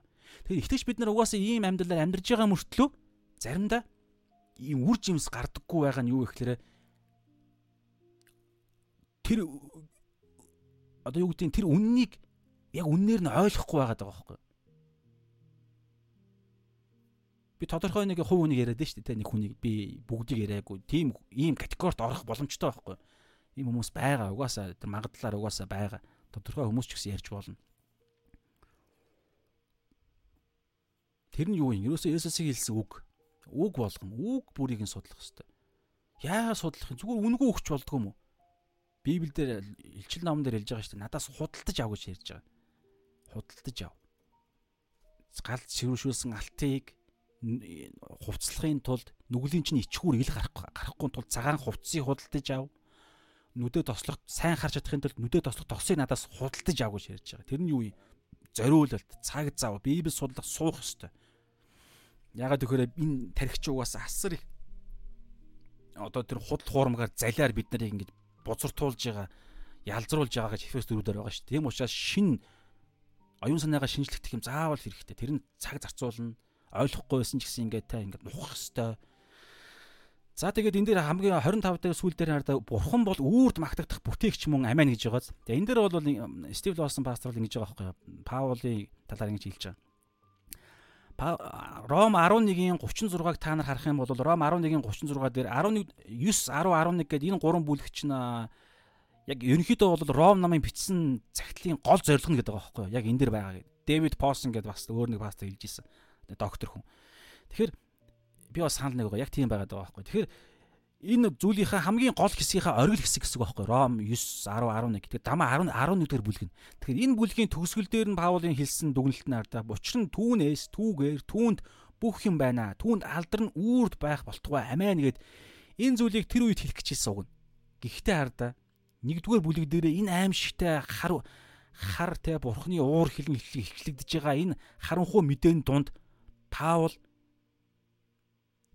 тэр хэсгийг хүлээж чадахгүй тэсэхгүй байгаа байхгүй. Бүр наан бурхан Тэгээд таардаа эндээс хүртэл бурхан энэ харанхуй аимшигтай мэдээлэл дундаас хүртэл бурхан талархлыг Есүс бишээ Паул талархах зүйлийг олж харж чадчих байгаа байхгүй. Тийм учраас бид нар ч гэсэн ямар ч нөхцөл байдал дундаас талархах зүйлийг олж харах нүд нүдийг тослох тос буюу ариун сүнс биднэрт байгаа. Гэхдээ худалдаж авах хэрэгтэй зүйл хэлсэн те. Ингийн тулд яах юм? Үннийг судална гэсэн үг. Тэр ариун сүнсний онгодоор бичигдсэн 2 дугаар Тимот 3:16 дээр хэлсний дагуу ариун сүнсний тэрхүү амьсгалаар онгодоор бичигдсэн амьсгал оруулалтаар бичигдсэн тэр үгийг нь судална гэсэн. Ариун сүнс ямар хэлээр ярьдیں۔ Тэр хэлийг нь судалж ийж ариун сүнстэй харилцсан шүү дээ. Хэлийг нь судална гэсэн. Тэгэхээр энэ дэр магтаал байгаа даа байхгүй юу? Энэ дээр хар та. Тэр өмнө хэлсэн шүү дээ. Учир нь бурхны үннийг худал хуурмгаас сольж бүтээгчээс илүү бүтээлд нь мөргөн зарагджээ гэж хэлчингүүтээ араас нь бурхан бол үүрд магтагдах бүтээгч мөн гэж хэлж байгаа муу мэдээ байгаа нэгдүгээр энэ бол факт. Гэхдээ муу мэдээг муу гэдгийг нь илчилээ илчилж чадчихгаа гэрэл байгаа нь ерөөл واخхой. Гэрэл байгаа. Бид өвчтэй. Бид миний нэг газар өвдөд байна. Тэгээ Монгол улсад ангаах ухаан хөгжсөн нь баярлуу штэ гэсэн үг байхгүй. Э, тийм бодол орж төрж байна. Тэгээ ангаах ухааны тухайн миний энэ дотор яг намайг өвтгөхөд байгаа, баллах гээд байгаа тэр өвчнийг илрүүлж чадах шинжилгээ тэр шинжилгээний ухаан хүртэл орж ирсэн нь магтуу штэ. Тийм Монгол хүн тэр шинжилгээний Монгол улсын биш олон улсад дэлхийд дахинд байгаа тэрхүү шинжлэх тухайн өвчнийг илрүүлэх тэр ухаанд Монгол хүн суралцсан тэр эмчид бас талархуу штэ гэсэн үг. Аа тэгээд тэр имжлэгт тэр имлэгт очоод онцлогоо өгөх тэр боломж тэр юу байдгийг тэрхөө боломж санхүү манхүү тэрэнд хүртэл талархуу штэ. Тэгээд тэрний шинжилгээ өгсөний хариуд нь инх тайван та өвчтэй байна та ийм өвчөнд тусчаа гэдгийг тэр мэдээнд хүртэл талархуу штэ аахгүй. Тэр мэдээг сонсон гот ээ ямар балер юм бэ? Монгол ангаах ухаан хөгжөөг байсан бол эсвэл ийм ийм эмчнэр байгаагүй байсан бол эсвэл би өнөөдөр шинжилгээ шинжилгээ өгөхөөр энд ирээгүй байсан бол энэ бузар муу мэдээ миний хэсэг болохгүй байлаа гэж хэлэх хүн байгаа юм. Үгүй шүү дээ. Тэр чинь хордуулаад цаашаа өхнөө өхөөл дуусна гэсэн үг шүү дээ. Тэр мэдээнд талархах хэмжээний юм яриад байгаа байхгүй. Тэр утгаараа Паул шууд энэ те аимшигтай үнэн хилэнгүүтлээ араас нь бурхан үүрд матгадах бүтээгч мөн амиа гэж. Ямар ч үед ямар ч үед буюу энэ дээр үүрд гэж байгааз Бурхан үүрд магтахад. Тэгэхээр ямар ч үед хаанаас ч хинээс ч ямар ч нөхцөл байдлаас бид талархах зүйлийг олж харж чаддаг итгэгч хүмүүсүүд. Яагаад вэ гэхээр Ром 8:28 Бурханыг хайрладаг түүний зорилгын дагуу дуудагдсан хүмүүсүүд тохиолддог бүх зүйл түүний сайн сайхны төлөө хамтдаа ажилуулдаг буюу Бурхан хамтдаа ажилуулдаг. Өөрөөр хэлбэл би өөрөөсөө хийх юм аа, явах юм аа яваад бодох юм аа бодоод тэ анхаарах хэвээр юм анхаарал эзэн дээрээ төлрөх хэвээр юм төлрөө явж л байгаа бол ямар ч нөхцөл байдлаас талархах юм би олж харж чадна гэсэн. Угаасаа бодит байдал дээр ямар ч нөхцөл байдал миний сайн сайхны төлөө ажиллаж байгаа учраас. Тэгэхээр Паул гэсэн тэгж байгаад шууд энэ талархлыг өргөж байгаа гэсэн. Ягаад гэвэл бурхан үргэлж ажилласаар байдаг. Тийм учраас бурхан үргэлж ажилласаар байдаг учраас бурхан үргэлж магтаал авах зохистой. Бурханд алдар нь үргэлж талархал ба алдар нь үргэлж байх хэвээр. Энд дээр ингэсэн шүү дээ 21 дээр Ромныгийн 21 дээр тэд бурхныг мэдсэн атлаа бурхан гэж түүнийг алдаршуулсан ч үгүй түүн талархал өргөсөн ч үгүй. Тэгэхээр түүнийг алдаршуулах, түүн талархал өгөх гэдэг нь ойлголт чи итгэж хүмүүсүүдэд байх хэвээр хамгийн байнгын хийгдэх хэвээр байгаа даа байхгүй. Ямар ч нөхцөл байдал донд. Үргэлж түүнд алдаршуулж, алдаршуул түүний хийж байгаа ажилд нь алдаршуулж, бас хийж байгаа ажилд нь талархал өргөх. Гэтэ ингээхийн тулд харж чадах хэвээр шүү, тэ. Тэгээ харж чадахын тулд нүд маа нэгдсэн байх хэвээр. Нүд нь нэгдэхийн тулд ариун сүнс орж ирж иж бидний нүдийг тосолж нүдийг минь нээдэг.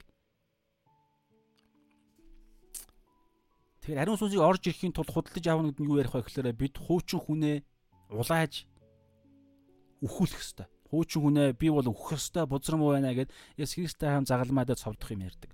Баптизмаар бол ус руу шумбан орж усанд живэх юм ярьдаг. Өөхөх юм ярьдаг. А тийм зүүрлэлээр илэрхийлдэг шүү. Тэрнээс биш тотгошоогоор удаан байх юм ярьдаг. Баптизм гэж хүртэхгүй шүү дээ. Ороод гараад ирнэ. За за тэгэхээр одоо 26-аас 27 дээр хардаа дараагийн хэсэг. Ингээ өндөрлөл өнөөдрийн хэсэг.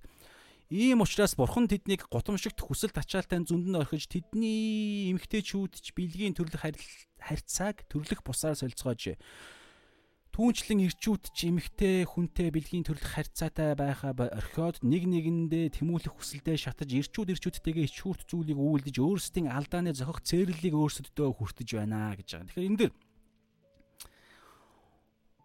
одоо нөхцөл байдал уламд ороодч байгаа. Энийг одоо илэрхийлнэ. Уламд ороодно. Өмнө нь бол хэлсэн шүү дээ. Зүрхнийх нь хүсэл тачаал. 25 24 25 Учиндад бурхны үннийг худал хуурмгаар сольж бурхан бүтээгчээс илүү биш ээ. 24 А ийм бурхан тэднийг зүрхнийх нь хүсэл тачаалын бузар юмстай зөнд нь орхиж бие мах хөдөө өр хоорондоо гутааж зүрхнийх нь хүсэл тачаал яригдчихсэн. Одоо тэр хүсэл тачаал нь тэднийг юунд хүргэж чинь ямар төлөв байдалд хүргэж чинь маш бодиттой. 26-аас бэлгийн одоо энэ дээр түрүү ингэсэн шүү дээ. Тэр бузар бузар зүйлс тэр 24 дээр ингэсэн те зүрхнийх нь хүсэл тачаал нь бузар зүрхнийх нь хүсэл тачаал дотор нь бурхан тэднийг бузар зүйлс рүү бузар юмс руу орхиж байгаа. Бузар юмс руу чиглүүлээд түлхэж байгаа гэсэн.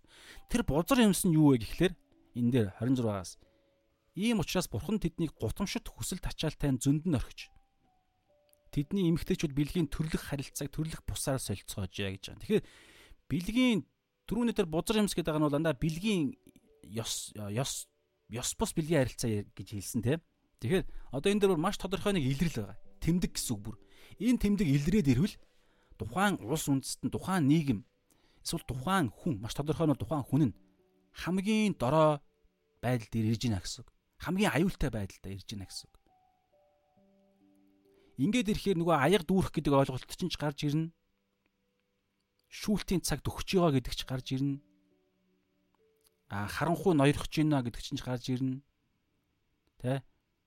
Улам илүүгээр одоо үнэн үнэн биш болно гэсэн үг. Юу юу ч хэрүү тухайн нийгэмд бэлгийн ижил хүүснүүд гарч ирэх юм бол тухайн нийгэмд байж өөр дараа нь ямар нэг юм өөр юм гарч ирлээ гэж бодоход одоо бүр гайх шаардлагагүй болно гэсэн. Ягаад тэгэхээр бэлгийн ёс бус байдлын одоо энэ бүр төрлөх төрлөх бэлгийн харилцаа төрлөх бусаар солигдно гэдэг чинь бүр худал хуурмгийн харанхуй хийж болох хамгийн дорд зүйл гэж Библи хэлдэг байхгүй. Тэгэхээр энэ дээр ингэж байгаа бэлгийн бэлгийн төрлөх харилцаа гэдэг нь юу юм? Тодорхой. Нэг эрэгтэй хүн нэг эмэгтэй хүнтэй Тэ одоо цусан гэрээ гэж ярьдаг. Яг анхныхаа шүн тэ одоо хуйлаа онгон зандан байдалтай байжгаад тэр хоёр аа бэлгийн харилцаа энд би яг төгс библийн давах юм ярьж шүү дээ. Аа тэгээд тэр онгон эмхтэй цус гарах гэдэг ойлголтоор цусан гэрээ байгуулагддаг гэж ярьж байгаа. Цусан гэрээ. Тэгээд энэ цусан гэрээг үхэн үхтлээ энэ гэрээ байгуулагдах хэвээр. А нэг нь үхвэл өөр юм яригддаг. Үхээгүй бол өөр ямар ч юм энэ энэ цусан гэрээг салгах ёсгүй гэж яригддаг. Шинэ гэрэн дээр шалгаа авахгүй юм яригдж байгаа. За тэгэхээр аа тэгэд нэг эрэхтэй нэмэх нь нэг эмхтэй. Тэнцүү нэг бие гэж ярьдаг. Нэг дээр нэмэх нь нэг тэнцүү нэг гэж ярьдаг. Яаж ийм бол чадчих байгаа вэ? Яаж энэ цусан гэрээ нь яг Библийн дагуу цусан гэрээ байж нэг дээр нэмэх нь нэг тэнцүү нэг байж чадах вэ? Тэгэхээр Тухайн нэг нь өөрөө ариун сүнстэй нэг. Одоо эрэхтэй нөхөр нь бурхныг бурхнаа болгосон нөхөр. Им ихнэр нь бурхныг бурхнаа болгосон ихнэр. Тэгжээж бурхныг тэргүүнээ болгосон нэг эрхт нэг бие байж чадна. Эхлэл 2-ын эхлэл 2-ын 24 дээр ийм учраас эр хүн эцэг ихээ орхиод ихнэртэйгээ нийлж хуйвал нэг мах бод болдгоо гэж байгаа. За энэ бол зүгээр төрлөх харилцаа. За одоо тэдний гутамшигт хүсэлт ачаал гэдэг үг. Гутамшигтай хүсэлт ачаал гэдэг энэ нэг аимшигтай бузар муу хүсэлт ачаал гэдэг нь бүр ингээд тэднийг бүр ингээд одоо бүр шатааж те бүр эзэмдэж байгаа нэг хүсэлт ачаал байгаа даа байхгүй. Тэрний яаж байгаа гэхээр төрлөх харилцааг төрлөх бусаар солиулах тийм их үүсвэр байгаа даа байхгүй бүр. Төрлөх харилцаатай байсан тэр нэг байгалийн жамын имийг бүр жам ёсны биш болгохыг хүртэл тэрийг хүсдэг гутамшигт хүсэлт ачаал. Энэ нь бурхны үннээс татгалцахаас эхэлж байгаа байхгүй. Ягаад тэгэхээр гэрэл унтрлаа харанхуй бүр ноёрхож эхэлж байгаа. Тэгээ энэ яаж байгаа гэхээр эмхтэй хүн нэмэх нь эмхтэй хүн тэнцүү нэг бий гэж хэлэх гээд идэг. Гэтэ энэ асуултын тэмдэгтэй. Өөрөөр хэлбэл нэг дээр нэмэх нь нэг тэнцүү нэг байж чадах уу гэдэг асуулт. За энэ дээр бол би зүгээр яг зүгээр жоохон э, чимэглэх байдал бичсэн байгааз. Нэг дээр нэмэх нэг тэнцүү нэг доор нь 6 дээр нэмэх нь 6 тэнцүү 6 666 би зүгээр жоохон юу байдлаар юу юу гэдэг жоохон хэтрүүлэх байдлаар бичсэн. Тоо маань чухал биш. Гэтэ зөв хэлэх гээд байгаа санаа нь ерөөсөө тэр чөтгөр ярьж байгаа байхгүй чөтгөр. Чөтгөрийн нэгдэл ярьдаг. Төрлөх бүтээлийн нөгөө төрлөх стандарт үнний стандарт татгалзаад төрлөх байдал байгалийн жам ёсноос гажсан юм яриад ирэхээр тэрийг хийж байгаа ганцхан хүч байгаа. Тэр бол чөтгөр. Тэгээд ирэхээр нэг эмхтэй нэг эмхтэй нэг эмхтэйдээ суулаа төрлөх харилцаа бэлгийн харилцаанд орлоо гэхэд нэг бие байж чадах уу? Тэд нар бол тэ өө чадна бид нар одоо ингээд нэг ихтэй нэг эмхтэй эмхтэйдээ суугаад ингээд хурмаа хийнгүүтлээ ингээд хүүхд өргөж авдаг мавдаг ч юм уу эсвэл нөгөө нэг тэ юу дгүүлээ бэлэг их юу дгүүлээ нөгөө нэг үр суулгаж муулгаж байгаа тэгээд хүүхд мөхтэй болно болно ингээд нэг бие болж болно гэж ярьдаг. Гэтэ энэ дэр бол нэг библийн дагуу нэг бий гэж байхгүй. Хэрвээ байна гэж яриул нэг бий за би байна, нэг бий байж болох юм байна гэж хэлж болно зүгээр. Би хувьдаа хэлж хэлж хэлж болох гээд байна л да. Харин ямар вэ гэхээр бурхантай нэгдсэн биш, чөтгөртэй нэгдсэн. Чөтгөртэй нэгдсэн нэг бий байхгүй. Тэгэхээр энэ нь өөрөө шүүлт байгаад байгаа. Энэ нь өөрөө шүүлт. Нөгөө нэг түрүүн уур хилэн зөнд нь орхисон бурхны уур хилэн зөнд нь орхиж байгаагийн хамгийн тодорхой маш бодиттой илэрлэл нь Библиэлд байгаа хамгийн тодорхой илэрлэл нь ижил хүүрстэн гэдэг ойлголт чинь шууд тэр хүний шүүлт ирцэн байгаа даа байхгүй шүүлт ирцэн. Тэгээд энэ шүүлтээс аврагдах ганц арга зам нь ерөөсөө л тэр хүн үннийг хүлээн зөвшөөрж өөрөө ямар аимшигтай бузар муугийн а бузар муу байдалтай байгаа бухны уур хилэн асар ихээр бүр бодиттой ирдсэн байгаа тэр уур хилэн түүний өмнө бүр бодиттой байгаа гэдгийг хүлээн зөвшөөрж хуучин хүнээ өхүүлж иж буюу гимшил гэдэг үг улаах ямар байдалтай байгаагаа улааж иж Есүс Христийг эзнээ болгож иж цорын ганц эзнээ болгож иж загалмайн сайн мэдээнд үнгүү сайн мэдээнд итгэж иж эзнээ болгож иж ариун сүнсийг хүлээж авч иж библийн үгээр нь явах тэр ойлголт ирэх үед тэр хүн шин дүр төрх авна гэсэн үг. Өөр ямар ч ойлголт байхгүй. Библи ижил хүүснүүдийг хизээч авралт ижил хүүстэн Есүс Христ итгээд замаа өөрчлөхгүй болвол аврал юусаа ирэхгүй. Гэхдээ ялгаа байхгүй шүү дээ. Ижил хүүстэн мөн ч бай биш ч бай бүх гимнүгэл ялгаа байхгүй. Гэхдээ ижил хүүстэн гэдэг нь юу ярьж байгаа гэхээр Бурхны уур хилэн тэр хүн дээр бууга бууцсан байна гэдгийг илэрлэх байхгүй. Маш бодиттой. Бурхан бүр зөнд нь орхицсан байгааг нэг илэрл. Тийм учраас тэр хүн бүр яалтчгүй бүр маш бодиттой гимших гимшихгүй бол баларнаа л гэсэн. Гэтэ гимших боломж байгаа юу? Байгаа шүү дээ. Йонагийн түүх бас байдаг те. Ниневе хотынхон хэд хоногийн дараа гэдэг үлээ. Бурхан бүр яг уур хилэнгээ буулгана гэдэг. Гэтэ гимшдэг. Гэтэл эзэн буур хилэнгээ буулгадаггүй. Тэр гимшил. За тэгэхээр ингэж байгаа. Одоо ерөнхийдөө өндөрлөё. Базээ. За 26 те. Тэгэхээр бурхны үннийг сатаны худал хуурмаар сольсон учраас үр дагаврад нь төрлөх харилцаа, төрлөх харилцаа, төрлөх бусаар солигдож байгаа байхгүй. Бурхны үннийг сатаны худлаар сольсон учраас төрлөх харилцаа, төрлөх жам ёс стандарт, төрлөх бусаар солигдож байгаа үр жимс нь гарна гэсэн үг. Тэгээд 26-аас бүтээр харъя. Түн ийм учраас буюу түүнчлээ ийм учраас бурхан тэднийг гутамшигт хүсэл тачаалтай зөнд нь орхиж тэдний эмгтээчүүдч бэлгийн төрлөх харилцааг харьцааг төрлөх бусаар солилцоож яг уншсантай 27-оос түүнчлэн ирчүүд за түүнчлэн энэ 26-гийн эндээс эхэлж байгаа юм одоо ингээд үргэлжилж байгаа байхгүй юу. Тэдний эмгтээчүүдч бэлгийн төрлөх харилцааг төрлөх бусаар солилцоож түүнчлэн ингээд нэг юм үргэлжилж байгаа нэг шат. Түүнчлэн ирчүүд чи эмгтээ хүнтэй бэлгийн төрлөх харилцаатай байхаа орхиод нэг нэгэндээ тэмүүлэх хүсэлдээ шатаж ирчүүд ирчүүдтэйгээ ичгүүрт зүйлийг үүлдэж өөрсдийн алдааны зохих цээрлийг өөрсдөө хүртэж байна гэж байгаа. Тэгэхээр хараа эмгтээ эрэхтэй ялгаа авахгүй төрлөх харилцаагаа орхисон гэж үг байгааз. Орхих гэдэг үг төрлөх харилцаагаа буюу үннийг орхиж байгаа байхгүй үннийг жинхэнэ стандарт үннийг байгалийн зам ёсны үннийг орхисон учраас бурхан тэднийг орхиж байгаа. Тэд бурханы талаарх үннийг орхисон учраас бурхан тэднийг орхиж байгаа. Тэгээ бурхан орхисны үр дагавар нь яаж байгаа гэхээр төрлөх харилцаа, төрлөх үндсэн ёс суртахууны стандарт хүртэл орхигдож байгаа байхгүй. Тэгээд ирэхээр хэрвээ нийгэмд үр дагавар маш сонь сонин гаж гаж юмсууд нийгэмдэр альва хүнд илэрвэл тэр хүний дээр бурхны уур хилэн маш бодиттой байгааг тэр хүнд нь бид хэлэх үүрэгтэй байгаа байхгүй. Тэгжиж тэр хүн гимших боломж нь гарч ирнэ. Тэгээ хилээд үнийг нь ичилсээр байтал тэр хүн хүлээж авахгүй бол тэр хүнээс нөгөө далан авагдана гэсэн. Тэгээ далан авагдахаар асар их бурхны уур хилэнгийн үер тэр хүний дээр бууна гэсэн. Далан авагдана гэдэг чинь үхэл ярьж л байна л да ерөнхийдөө бол шууд хэлэхэд. Тийм учраас одоо янз бүрийн байдлаар зуурдаар өөхөх мөхөх гэдэг ойлголт ойлголтууд бас энд яригдах боломжтой гэж анзаарэгдэж байна. Ер нь үхэл гэдэг чинь өөрөө энэ дэлхийд ирэх хугацаа дуусж штэ. Бурхны ерөнхий нэгүсэл авагдаж байгаа байхгүй. Тэгэхээр тэр хүн зүгээр л байгалийн жам ёсны болж байгаа гэж анзаарэгдэж байгаа. Тэгэхдээ үгүй. Цаана тэр хүн ямар нэгэн байдлаар тэр хүн итгэгч биш байж байгаад үхэж гинэ гэдэг чинь нэгүсэл авагдаж байна гэсэн үг. Би яг бурхны өмнө би өмнө өмнөөс би хэлж чадахгүй учраас теолог библийн дагуу бол ийм л юм яригдаж байгаа. Ерөнхийн нэгүсэл гэхээр тэр хүнийг энэ дэлхийд амьдруулж байгаа юм яригддаг. Тэгэхээр тэр хүн ингээд итгэхгүй байж байгаад үхлээ гэдэг чинь маш аюултай байхгүй. Яа одоо ямар ч боломж байхгүй болно гэсэн. Тэгэхээр магадгүй тэр хүний дотор нэг тодорхой үед тэр хүн үннээс татгалцсан бай юм яригдана гэсэн үг байхгүй. Тэгжиж бурхан тэр хүнийг аа тэр худал хуурмаг дотор нь үргэлжлүүлэн амьдрахад нь зөвшөөрлийг хүртэл өгөөд ингээ орхиж байгаа гэдэг ойлголт.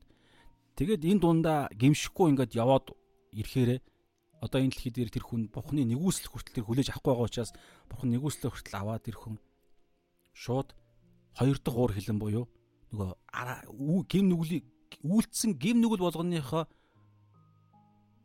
гим нүгэл болгоно нь уур хилэн болж тэр хүн дээр хуримтлагдж ирж байгаа асар их хэмжээний улангасан гал мэт уурыг тэр хүн одоо үүрнэ авна гэсэн. Хүн үхлээ би хүүд үзэг болохоор мэдэхгүй байна. Гэхдээ хүн үхлээ миний бодлоор оюун санаа нь шууд ингээд унталт ч юм уу нэг юм оюун санаа нь гинт байхгүй болно. Тэгээд нэг газар сэрнэ. Сэрнэ. Луг 16 дээр байдаг санагдаж байна. Баян Лазарын түүхтэр үхлээ сэрлээ хоёр юм хоёр мэдрэмжийн аль нэг нь л байгаа. Нэг нь Авраамийн үүр буюу Бурхны оршихуйд сэрнэ. Нэг нь сэрхээсээ ч өмнө бие нь шатж байгааг мэдрээл сэрнэ гэсэн үг. Галтнуур ярьж байгаа.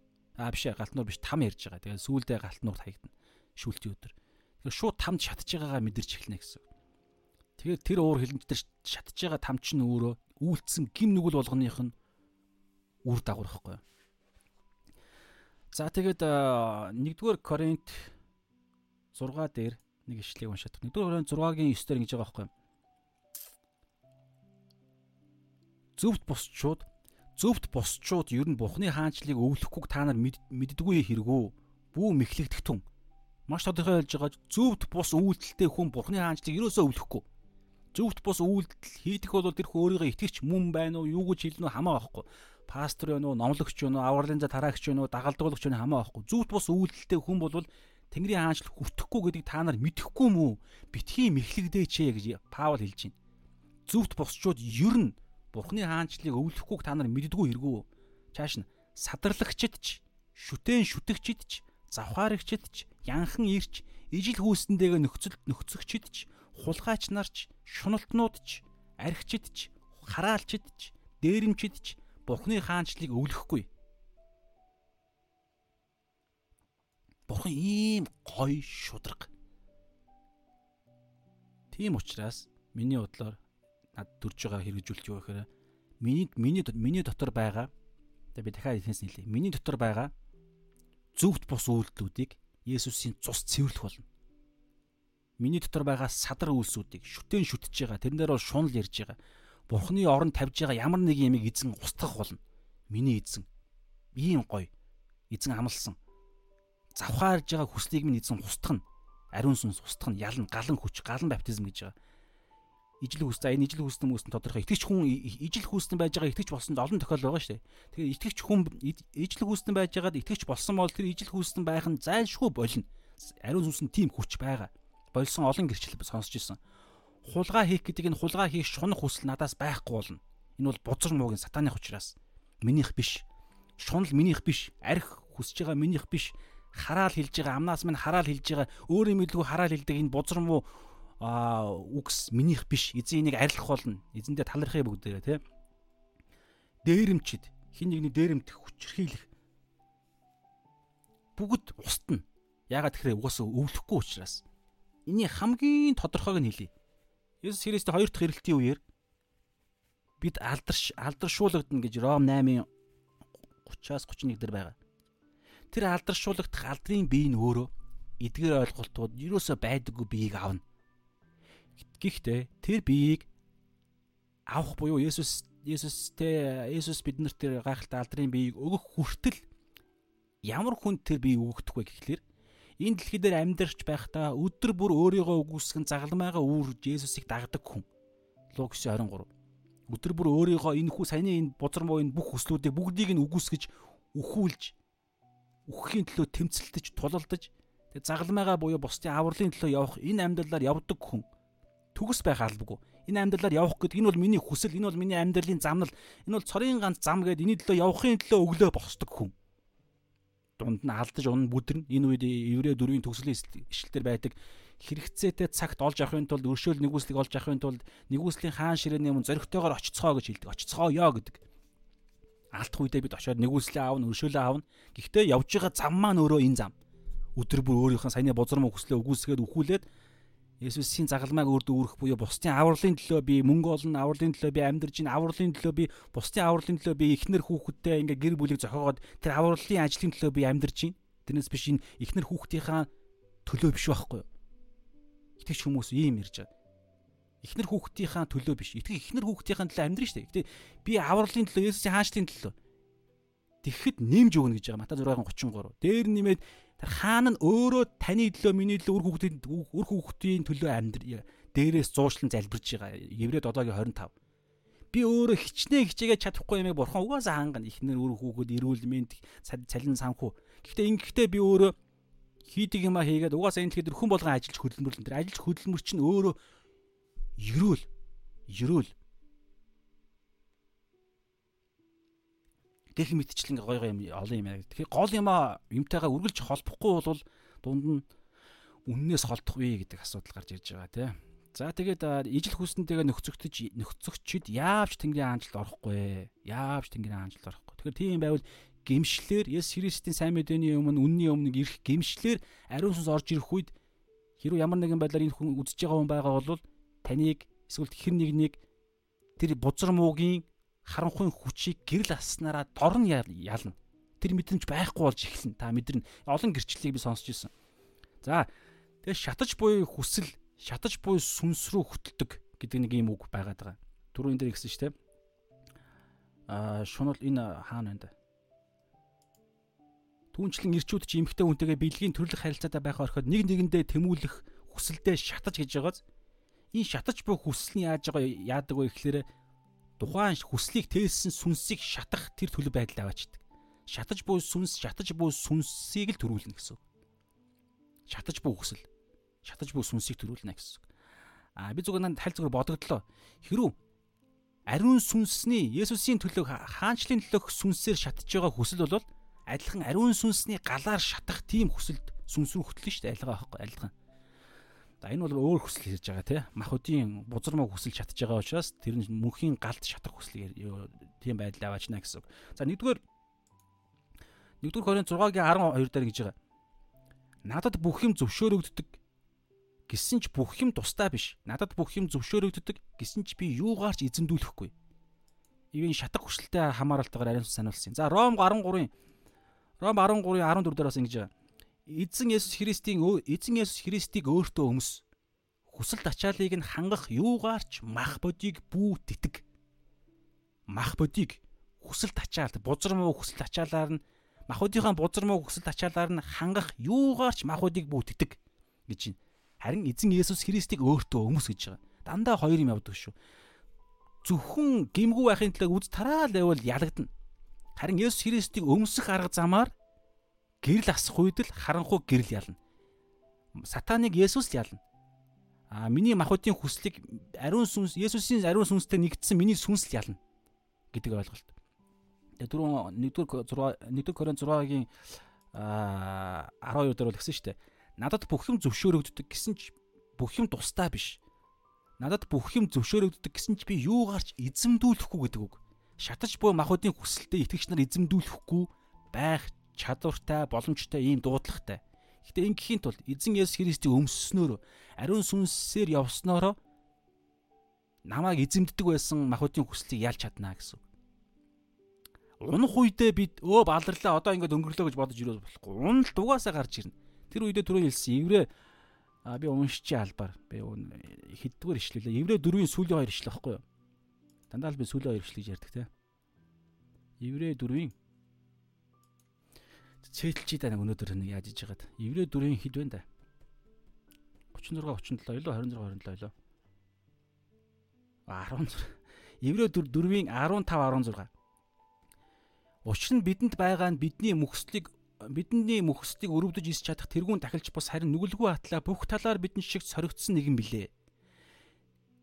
За 16. Ер нь сүүлийн нэг ишлэл юм байна. Гэтэ 15-тай нь хамт байвал илүү зүгээр байдаг гэдэг утгаараа шийдэлсэн юм байна л да. Еврей 4:16 юм биш үү? Тиймд бид хэрэгцээтэй цагт туслах нэгүслийг олж өршөөлийг хүлээн авахын тулд нэгүслийн хаан ширээний өмнө зоримгоор очицгоё гэж. Хэрэг хизээ бидэнд нэгүсэл өршөөл хэрэгтэй вэ? Унах, алдах, гим нүгэлд ялагдах үед. Яг тэр үедээ хэрэг тиймд хэрэгцээтэй цагт туслах нэгүслийг олж өршөөлийг хүлээн авахын тулд нэгүслийн хаан ширээний өмнө зоригтойгоор очицгоё. Тэр нэгүслийн хаан ширээнд сууж байгаа хаан хийн 15 дээр нь байгаа байхгүй юу? Учир нь бидэнд байгаа байгаа нь бидний мөхөсдгийг өрөвдөж ис чадах тэргүүн тахилч бус. Хуучин гэрээний Израиль тэргүүн тахилч бус гэсэн үг. Харин нүгэлгүй атлаа бүх талаар бидэн шиг соригдсон нэгэн буюу биднийг ойлгоно гэсэн үг. Тэгсэн мөртлөө бидэн шиг соригдсон мөртлөө ерөөсөө алдаа гаргаагүй. Гэхдээ бүх сатаны биднийг сориод биднийг унгаагаад байгаа тэрхүү аюулыг дайсныг Есүс мэддэг учраас эзээ эзээ би унчлаа гэд ирэх үед харин тийм ээ миний хөө миний охин гэж мэднэ гэсэн. Би ч гэсэн энэ дэлхийд 33 жил амьдрахтаа наадах чинь би мэдэрсэн. Би наадтай тулалдсан. Гэтэ би ялсан. Тийм учраас миний ялалттай нэгдээ. Тэгээд надаас өршөөл нэгүслийг үнгүүгээр аваа. Би чамайг ойлгож гинэ гэж хэлнэ гэсэн үг байхгүй юу? Харин сатан бол тэхгүй. Чи итгэвч үжиж чи ямар хөгийн юм бэ? Одоо бойл бол чи наад номлоо хийхэ бойл, цуглаандаа явахаа бол үйлчлэхэ бойл, энэ дээр гарахаа бойл. Чи яаж ингэж чадчихна? Ийм Есүс чиний төлөө чиний ч ярихгүй миний гэж ярина өөрийн ойлголтоор. Есүс миний төлөө нэгдүгээр би дээр ярьдаг гэдэг байгаа тийм. Есүс миний төлөө ингэж намайг та хайрлаад ингээд байхад те өчигдөрхөн чи уржигдаар ингэ гимнүглээ үлдсэн. Тэгээд намайг Есүс уучлсан шүү дээ. Гэтэл уучлаад өршөөгөө дараагаар нь ингэж гоё ивэл ирвэл шагнал байр суурьмөр гаргаж ирээд ингээд тахад дахиад гимнүгэл үлдчихлээ. Ямар хөгийн амтан бэ? Би ийм байж яаж би урд гарч бусдыг магтаал руу те ухны үгийг дамжуулах юм бэ гэд яана гэсэн үг. Болио гэдэг шийдвэр гаргана гэсэн үг. Тэгээд янз бүрийн байдлаар үйлчлэлээ хайна гэсэн үг. Ингэх юм бол сатан ялна. Есүс яах юм? Есүс тэр хүнээр дамжуулан Есүс ярих гэжсэн тухайн өршөөл нэгүслийг Есүс тараах гэжсэн чинь болж байгаа байхгүй. Тэгвэл оронд нь яах яах ёстой гэж байна. Нэгүслийн хаан ширээний өмнө зоригтойгоор очиод өршөөл нэгүслийг авна гэж байгаа. Өршөөл нэгүсэл чинь аль аль нь бид нар ямар ч юм хийж байгаа даа биш. Харин ч бүр эсэргээрээ хийх ёсгүй, бүр даварцсан юу бүр тэ авах ёсгүй юм а би аваад байгаа байхгүй. Ингэх үед яах вэ гэхээр тухайн хүн гим нүгэл үйлцснийхаа дараа хүртэл өршөөл нэгүслийг авсныхаа дараагаар нь үнгүү цагаатгал үнгүү нэгүслийн зөвхт байдлын хувцсыг өмссөн хүн урд гараад магтаал өргөхдөө урд гараад номлохдоо тэр гайхалтай гэрчлэлийг хэлнэ гэсэн үг. Ингэх үед Есүс алдаршдаг. Хүйд бусд хүмүүс ч гэсэн яг адилхан холбогдоод хүүе ямар гоё юм бэ? Ийм бодтой юм уу? Манай пастор, манай магтаалын ахлагчтай одоо юу гэдгийг яг адилхан ингэхэд ингэж Есүсийн нэгүсэл хүчийг авд юм уу? Ямар гоё юм бэ? Тэгвэл би ч гэсэн гээд тэр хүн Есүс рүү адилхан ирнэ гэсэн. Ингэж бусд руу дагуул дагуулж байгаа байхгүй. Эн чинь л нөгөө нэг үйлчин шүү дээ. Ингээд дагуулж байгаа хончлол. Тэрнээс биш өөрөө төгс байгаа надтай адилхан төгс болдог бол нөгөө фарисеучуудын ойлголт. Тэгээд тэгэхээр Иох 9-ийн 41 дээр хэлж байгаа чинь та нар харж байгаа учраас та нар нүгэлчин та нарт байсаар байна гэж ярьж байгаа. Луг илчлэл 3 дээр ч гэсэн лавдаг шулган шиг та нар би болж ийн би баян гэж хэлж байгаа учраас би та нарыг амнаас бөөлж гаргана гэж ярьж байгаа. Гэтэл хүн бол угаасаа гин нүгэлтэй байгаа. Тэг хин нэгэн би болж байна би өнөөдрийн байдлаар биес итгэсэн хойш ерөнхийдөө бол гин нүгэлгүй амьдраад бас эзэн эзэнд алдрыг хөргий гिचингүүтлээ гим нүгэлгүй амьдраа сайхан амьдарч болж ийн молж ийн гэж хин нэг хүн ярьлаа гэж бодоход яаж гим нүгэлгүй байгаагаа хэлэхгүйгээр тэгж номлолдог ч юм уу тэгэхэд бол би л хувьдаа зүгээр асуулт тавина л гэсэн. Асуулт тавиана гэж бодож байгаа. Үнэхээр тийм төгс байдалд ирсэн бол наа асар олоудаа унжиж тэр хүн Есүс Христийн зөвхт байдлаар алхаж чадсан байна гэсэн үг байхгүй.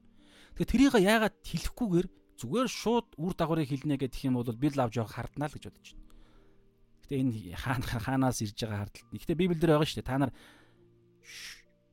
ялгаж салгахаар шүү гэж байгаа. Би Мата 7 дээрч байгаа.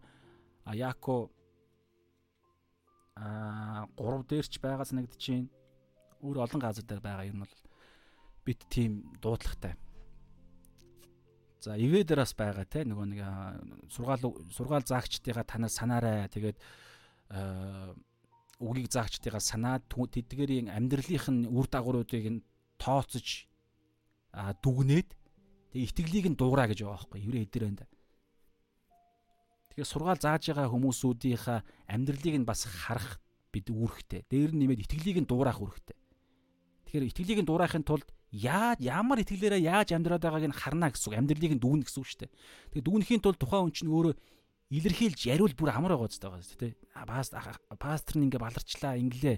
Тэгсэн чинь ингээд би гимшээд ингээ залбирхад эзэн намайг ингэж өршөөгөө. Тэгээд тэрнээс хойш ингэсэн тэгсэн ингээд ингээд маш бодиттой энэ нүхээр би унсан энэ нүхээрээ унаад гарч ирсэн. Тэгээ гарч ирээд эзэн намайг ингэсэн ингэсэн дараагаар нь би энэ нүхээр унахгүй тулд энийг сансан мансан гэд ингэж тодорхой ярьж игүүл бид нар шууд дараа нөхөр нөхөр нь дараагийн нөхөр дараа нь тэр нөхөр нь унахгүй байх боломж өгж байгааз.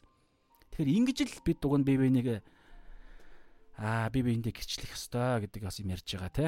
За тэгээд сүүлийн нэг 3 дүгнэлт 4 дүгнэлт хэлээ өндөрлөө. Тэгэхээр Яако 3-ын За яг Яако 3-ын 1 дээр бол 1 дээр байгаа.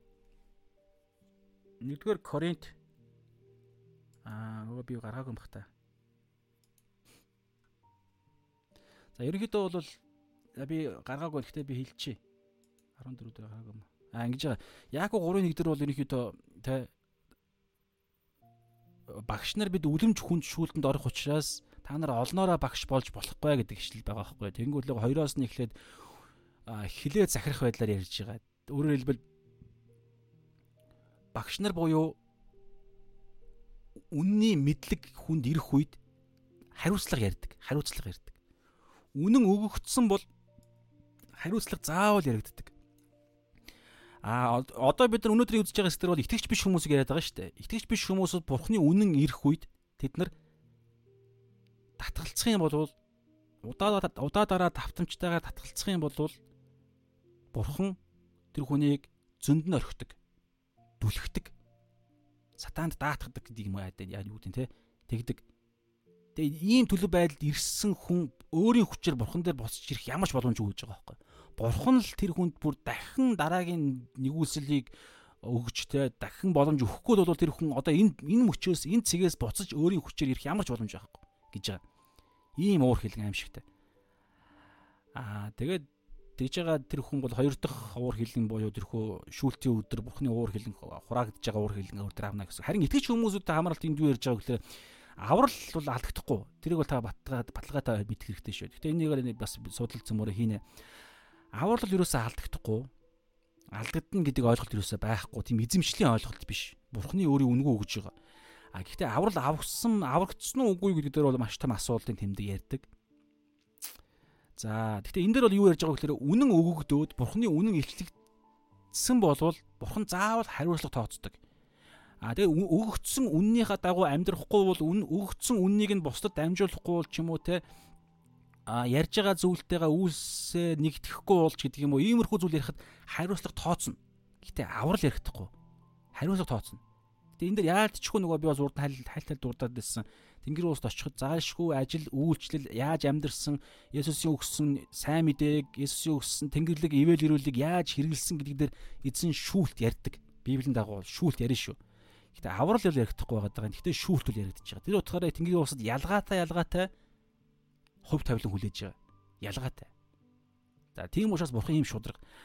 Тэгээд 1-р Коринт 4-ийн 1-ээс 2 дээр байгаа би гаргах гэж бодсон. Гэхдээ та харчаараа юу гэж байгаа вэ гэхээр ерөнхийдөө санаа нь бол Бурхны үгийн нууцын нярууд нярууд гэдэг ойлголт байгаа. Хоёр дээр нь энэ нууцын няруудаас Бурхан итгэмжтэй байхыг шаарддаг гэж байгаа. Нууцын нярууд. Тэгэхээр энэ зөвхөн номлогч нар биш. Зөвхөн сайн мэдээ тараагч нар биш. Бүх итгэгч нар бүх итгэгч нар нууцын нэрүүд болсон. Хамгийн тодорхой нь сайн мэдээ. Та Есүс Христэд итгээд аврагдсан бол аль хэзээ Есүс Христийн талаарх үннийг мэдсэн учраас аврагдсан. Үнэн тэднийг чөлөөлдөг. Ром 10 дээр бол те Есүсийг эзэн гэж тунгалахаас өмнө тэр хүн ихлээр сонсох ёстой, сонсохоос өмнө хин нэг нь номлох ёстой, номлохоос өмнө хин нэгэн хүн илгээгдэх ёстой, илгээгдэхээс өмнө бид аа тэ илгээгдэх ёстой гэж ярьж байгаа. Тэгээ сайн мэдээ тараагчийн хөр ямар үзэсгэлэнтэй вэ гэж ярьж байгаа. Тэгэхээр үннийг мэдчихэж л тэр хүн итгэнэ. Тэгэхээр та итгэцэн бол аль хэзээ үнэн танд байгаа гэсэн. Тэгэхээр тэр үнэн нэгдүгээр тэр үнэнгээр амьдрахгүй байвал хоёрдугаар тэр үнэнгээ хин нэгэнд дамжуулахгүй байвал хариуцлага тооцноо гэж ярьж байгаа. Бид нар өмнөөс үтсэн те хоёр хоёр хариуцлага хоёр өртөө бид нар. Нэгдүгээрт бурханд хариуцлагын өртөө. Бурхан үнгүү өгсөн хүүгийнхэн цусыг үнгүү тэр ивэл ирүүл тэнгэрлэг ивэл ирүүлэг бидний данс руу орсон тэнгэрлэг ивэл ирүүлэг бусад дамжуулсан уу гэж хариуцлага тооцно. Хоёрдугаарт дамжуулс дамжуулаагүй байвал тухайн хин нэгэн хүн биднээр дамжуулан аврагдах ёстой байтал тэр хүний цусны буруу биднэр дээр тооцогдно гэж ярьж байгаа. Цусны буруу цусны бурууны өртөн болно гэсэн үг. А ингээд ирэхээр ер нь бол аврал руу ин орохгүй байгаа анзаардаг. Одоогийн миний судалж байгаа байдлаар бол аврал руу орохгүй байгаа. Ягаад тэгэхээр аврал бол хэрэг аврагдсан хүн бол яалтчгүй нь энэ явна явах хэвээр. Гэхдээ ямар нэгэн байдлаар одоо юу гэдгийг балчир байдлаасаа ч юм уу эсвэл бол явж байгаа гэхдээ нэг хэсэгдээ хид хідэн байдлаар эхнийхээ шатандаа гэдэг юм уу юу гэдгийг би сайн мэдэхгүй байна. Ямар нэгэн байдлаар тэр хүн хин нэг хүн тараах хэрэгтэй байж байгаа тараагаагүй байлаа гэж бодоход яалтчгүй цусны буруу яригадаад байгаа байхгүй. Тийм учраас Ром нэг дээр бол Паул өөрийгөө өртөө гэж байгаа. Сайн мэдээнд хүн болгон тараах би өртөө. Хизээж гаанч ямар ч хүнд хин ч хүн тараах өртөө гэдэг нь сайн мэдээний гурван үе шатынх нь эхнийх нь нэсэн те. Хоёр дахь нь бол сайн мэдээг би тараахыг би хүссэн тэмүүлж бүр ирмэлзэж байна. Гурав дахь нь бол сайн мэдээ миний бол баяр хөөр болж байна гэж ярьж байгаа. Тэрний хамгийн эхнийх нь гуруула хамт байх хэвээр. Тэр нэг нь нэг нь бол бүр өртөө үүрэг хариуцлагатай би сайн мэдээ тараах гэрээнд ор байгаа. Гэхдээ энэ хүн болгон зөвхөн баавал гээгүй. Би өөрийнхөө хувьд л ярьж байна. Харин таны хувьд гэд бас баавал хэлсэн те. Миний хувьд би Ромд очих өртөө гэж ярьж байгаа. Та нар очих. Харин бусад Ромчууд та нар өөрөө бол бас өөр нэг газарт бас өртөө гэсэн үг байхгүй юу? Ингиж бид нараа үтсэн те. Тэгэхээр хариуцлага бол яригдэн шүү. Нэгдүгээр тэр үннээрээ явах, эхэлж ярьж байгаа зүйлээрээ амьдрах. Хоёрдугаар тэрийг бусад дамжуулах. Ямар нэгэн байдлаар. Гэхдээ энэ дандаа ариун сүнсний хүчээр. Тэгэхээр тэр Паул шиг тэр сайн мэдээ бидний хувьд тэр бүр хүсэл нь тэмүүлэн баяр хөө тэр гэрээ болсон уу? Болсон. Ийм л байх ёстой шүү, тэ. Гуравдугаарт хоёрдугаарт нь дараагийн хэрэгжүүлэлт нь юу гэхээр бэлгийн завхрал байна шүү, тэ. Бурхны үннээс татгалцсны үр дүн байгаад байгаа юм. Итгэвч биш хүмүүсүүдээр бүр тодорхой. Бэлгийн яан зүрийн завхаа амьдралууд, ёс бос байдлууд, садар задар садар самуун байдал завхаар л те бэлгийн ёс бос байдал те тэр нь бол бүх төрлийн юм орж байгаа Энэ бол бурхны үннээс татгалцсны үр дүн гэж байгаа байхгүй. Заавал тухайн үний хувьд байгаа албагүй. Шууд тухайн нийгэм, тухайн үндэсний хувьд ч яригдж магадгүй гэж бодож байна. Аа харин итгэгчдийн бас адилхан. Яг арай өөр байдлаар бас адилхан орж ирж байгаа байхгүй. Итгэгч дахин төрсөн итгэгч болсон мөртлөө бэлгийн завхрал донд яваад байвал итгэгч дахин төрсөн итгэгч хүнд бурхны шин бүтээлд тэгээ хэр боломж боломжтой л ахaltaа угаасаа энэ ч нөгөө нэг бид ариусгалч ингээд удаашралтай явагддаг учраас те тухайн хүнээс хамаардаг учраас тэгэхээр тухайн хүн бурхны үнэнг олж мэдэж үнэнг ойлгохоос татгалцсан байж болно гэж бодогдож байна та. Эсвэл ойлгосон мөртлөө тэрийг тэрэнд дуулууртай тэр үннээр явхоос бас татгалцсан. Нэг бол ойлгохоос татгалцсан. Үннийг ирж хайхаас татгалцсан чухалчлаагүй. Энийний үр дагаварт нь автоматар харанхуй ноёрхлын хүч гараад байгаа байхгүй. Тэгэхээр үнэн хүсэж тэмүүлж түүгээр явж байгаа тохиолдолд гэрэл гэрэлтнэ гэсэн. Тэгээд ирэхээр үр дагавар нь гарнаа. Бэлгийн завхрал махвал янз бүрийн зүйлсүүд нь хамгийн доод түвшин бэлгийн завхрал гэж яриад байгаа байхгүй. Тэр нь бол ингээд тэрнээс дээшлэл бус байж болох бусад бүх зүйл ариг тамхинаас гардаг ч юм уу яадаг чинь. Тэгэхээр маш бодиттой харанхуй хүчний гав гинжүүд хүртэл суларч ирнэ гэж байгаа байхгүй. Маш бодиттой хүч.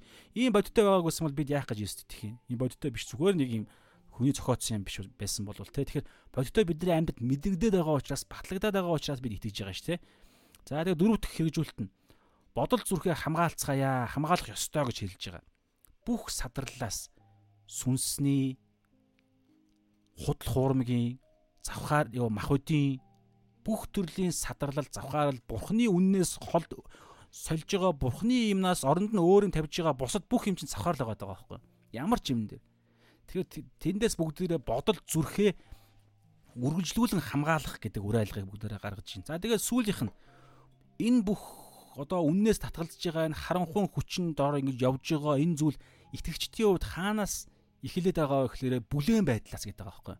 Бүлээн байдал.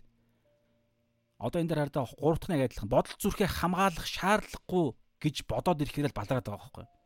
Одоо илчлэлт 3-ын 20 19 дээр лавдын чуулган тандсан ишлэл Би яг 19-ыг уншил та. Би хайрладаг хүмүүсээ зэмлдэг, сахилгажуулдаг. Тимээс халуун бай гимш. Бурхан бол ийм л юм ярьдаг. Зөвхөн халуун бай гэж ярьдаг. Үйлснэ. Бузар муу биш. Дандаа Бурханы сайныг үйлс. Халуун бай, халуун бай, халуун бай. Алдаа гаргана. Түл яах юм? Гимш, гимш, гимш. Тэгээд халуун бай, халуун бай, халуун бай. Гэтэл лавдаг чуулга ингэсэн байхгүй юу? За 15-аас нь уншил да. Есүс хэлж байгаа. Би чиний үйлсийг чинь хүүтэнч биш, халуунч биш гэдгийг чинь мэднэ. Чи чамайг хүүтэн юм уу эсвэл халуун байгаасаа гэж би хүсэж байна. Яагаад энэ дээр хүүтэн гэж хэлж байгаа вэ гэхээр ядаж хүүтэн байвал энэ доор гимших боломжтой байгаа байхгүй юу? Гэтэл хүүтэн өөрсдийг халуун байна гэж ойлгоод байгаа. Одоо доор харан та ойлгоно. Тийм хүү чи халуунч биш, хүүтэнч биш бүлээн тул би чамайг амнаасаа нулимж гаргана. Яагаад гэвэл чи би баян хөрөнгөчсөн тул дутах зүйл ер байхгүй гэдэг. Бурхны чуулган лавтек гэдэг Азийн долоон чуулганы нэг болох Бурхны чуулган ингэж хэлдэг. Энүүгээр 21-р зууны 20-р зууны биднийг бас хэлээд байгаа байхгүй болж ийн гэж яриад байгаа.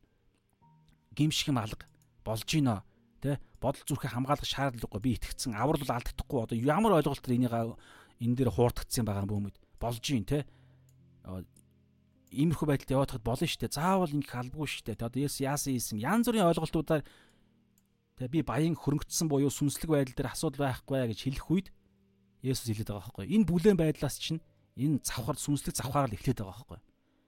Үннээс татгалзаж байгаа байдал. Тийм учраас байнгын үнэн дотор үннээр шалгах, сүнсээр шалгах гэдэг юм яриаддаг.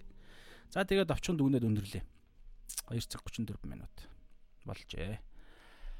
За тэгээд овчхондоо юу гэж дүгнэх вэ гэхлээр Бурхны хоёр уур хилэнгийн хоёр дахьыг нь бид нар үзэж байна. А эхнийхийг нь үзэж байна. Яг нь хоёр дахь нь бол ерөнхийдөө дараа нь бас яригдана. Тэгэхээр бид нар хий үтцсэн те хоёр юм ярьж байгаа. Нэг нь бол шүүлт Ром 2-ын хэд дээр үлээ 5 дээр хэлсэнчлэн шүүлтийн өдөр хураагдж байгаа бурхны уур хилэн гэж ярьж байгаа. За энэ бол хүн а энэ бол шүү дээ хүн болгон дээр хураагдж байгаа шүү. Би бүр албаар тэгж хэлье гэж бодогдлоо. Юу итгэж хүмүүсүүдтэй ч гэсэн хураагдж байгаа гэдээ би нэг талаараа хэлчихье заяа. Яагаад тэгэхээр хүмүүс бид нар гим үйлдэл байгаа шүү дээ. Үйлдэл байгаа. Тэгээд тэр гим үйлдэж байгаа юм болгоны үр дагавар хариуцлага нь хаана тооцогдох юм. За тэгэнгүүтээ би яагаад энэ дээр заавал тайлбарлах хэрэгтэй мэдээж. Яагаад гэвэл танд шууд сонь санагдаж байгаа. Яагаад гэвэл бурхан бол шудраг. Гим нүгэл болгон зайлшгүй хариуцлага тооцогдно. Аа Тэгвэл эцсийн өдөр итгэгч нар яагаад хураагдж байгаа юм гэхээр загламай дээрх Есүст өгсөн тэр гим нүгэл чинь бидний гим нүгэл байхгүй. Тэгэхээр Есүсийн эцсийн өдөр бид бүх хүмүүс үйлсэн шүүлтээр ороход бидний ч гэсэн гим нүглийн шүү үйлсээр шүүхтэх гээд их үед шудрагоос тэ шүүгч өөрөө харангуутлаа яах вэ гэхээр тэр нь Есүс шүү дээ тэ харангуутлаа Есүсийн өөрийнх нь загалмай дээр төлсөн төлөөсдөө бидний гимшлээ дамжиж бидний бүх гим нүгэл Есүс дээр тогтсон байгааг хараад Есүсийн зүвт байдал биднэр дээр шилжиж байгаа байхгүй. Аа энэ хүн өгсөн юм байна. Тийм учраас энэ хүн өгцөн. Харин энэ хүн Есүс Христтэй Есүс Христийн сүнс тэр хүнтэй хамт байгаа учраас энэ Есүс Христийн үйлсээр шүүгдэх нэ гэх. Тэгсэн чинь Есүс Христ энэ дэлхийд нэг ч гим нүгэл үлдээг. Тийм учраас бид Есүсийн зүвт байдлаар шүүлт үүсийн шүүлтээр шүүгдэх үед бид нар зөвтгөгднө гэсэн.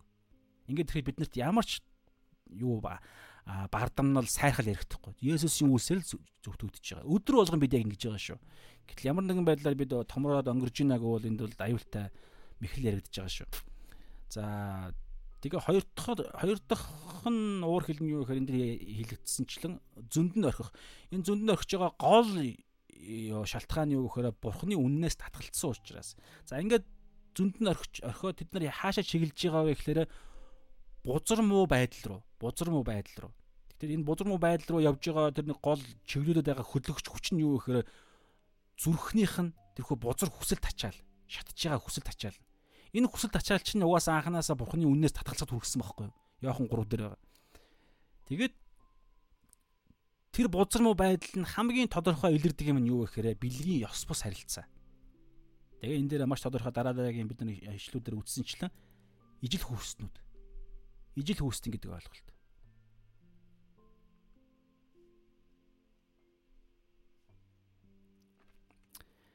За тэгээ ингээд ерөнхийдөө бол ярьж байгаа харин итгэгч итгэгч бидний хувьд бол ярих дунд нэг яригдсан ганц нэг юм байсан. Тэгээ тэрэн дээр юу яригдж байгаа вэ гэхээр бид цорын ганц тэр үнний стандарт болох Иесус Христийн тэрхүү үгээр байн амьдрахгүй болвол тэр үгийг олж мэдээ тэр үгтэй нэгтгэхгүй бол тэр үгээр гэрлээ асааж өөртөө шалгаж байхгүй болвол Есүсийн хэн болсон мөртлөө энэ дундаа Есүсээс татгалзаад явах боломжтой байгаа байхгүй ийм эрсдэлтэй. Сатан ийм төвшинг бас хүлээж энийг зорилгоо болгодог. Ингээд ирэхээр бас бурхнаар хаягдах гэдэг юм ярьдаг. Есүсийнхэн гэдэг нэр нэр зүгтсэн мөртлөө Есүсийнхаа үгээр явдаггүй. Есүсийн үннээс татгалцсан гэсэн үг. Тэр нь бас бас шулуугаа хэлэхэд бас ёс бус хүсэл тачаалаас олж байгаа байхгүй юу гэхээр оо юу гэдэг тэр яг Есүсийг эзний болох биш би бас өөрөө тодорхой хэмжээнд э, миний ирэх ашиг яригдах гэдэг.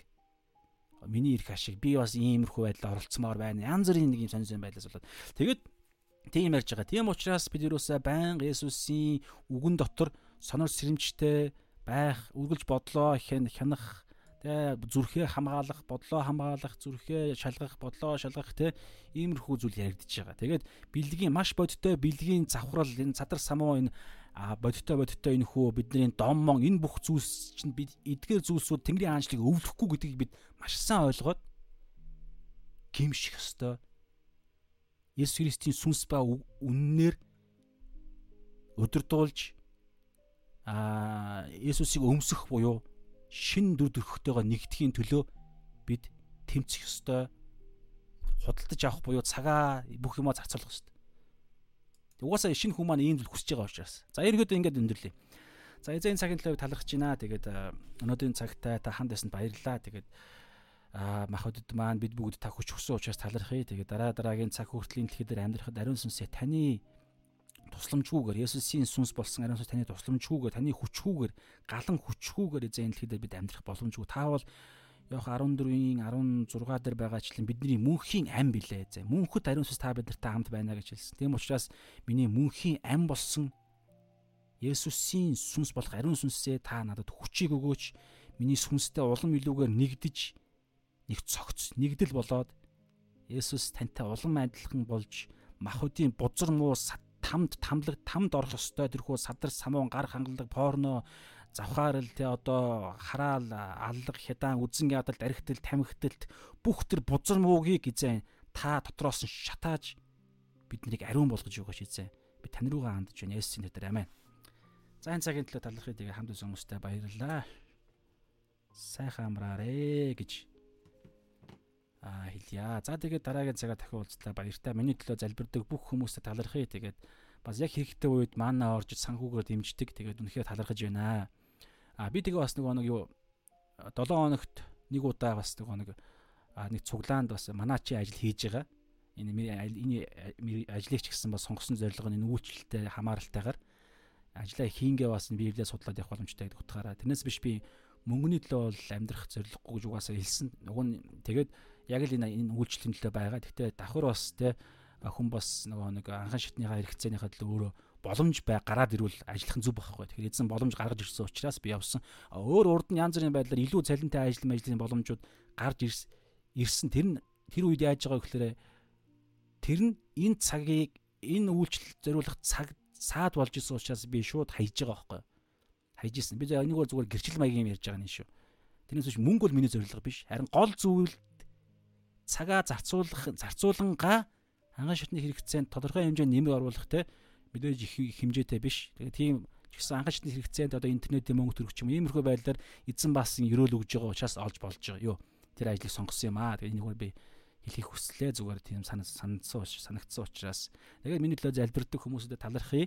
За тэгээд зөвхөн миний төлөөч биш та санагдж байгаа бүх энэ үйлчлүүд байгаа те медиа олон үйлчлүүд байгаа олон бодиттой үйлчлүүд ч байгаа илгээлтийн эзэд байгаа. Үргэлжлүүлээд бүгдээрээ бие биенийхээ төлөө залбирч боломж байвал бие биенийхээ төлөө аа бодиттой бас те дэмжлэгийг эзэн бас хангахын төлөө бас та хааж яваарай сэрэмжтэй байгаарай. За сайхан амраа шалаа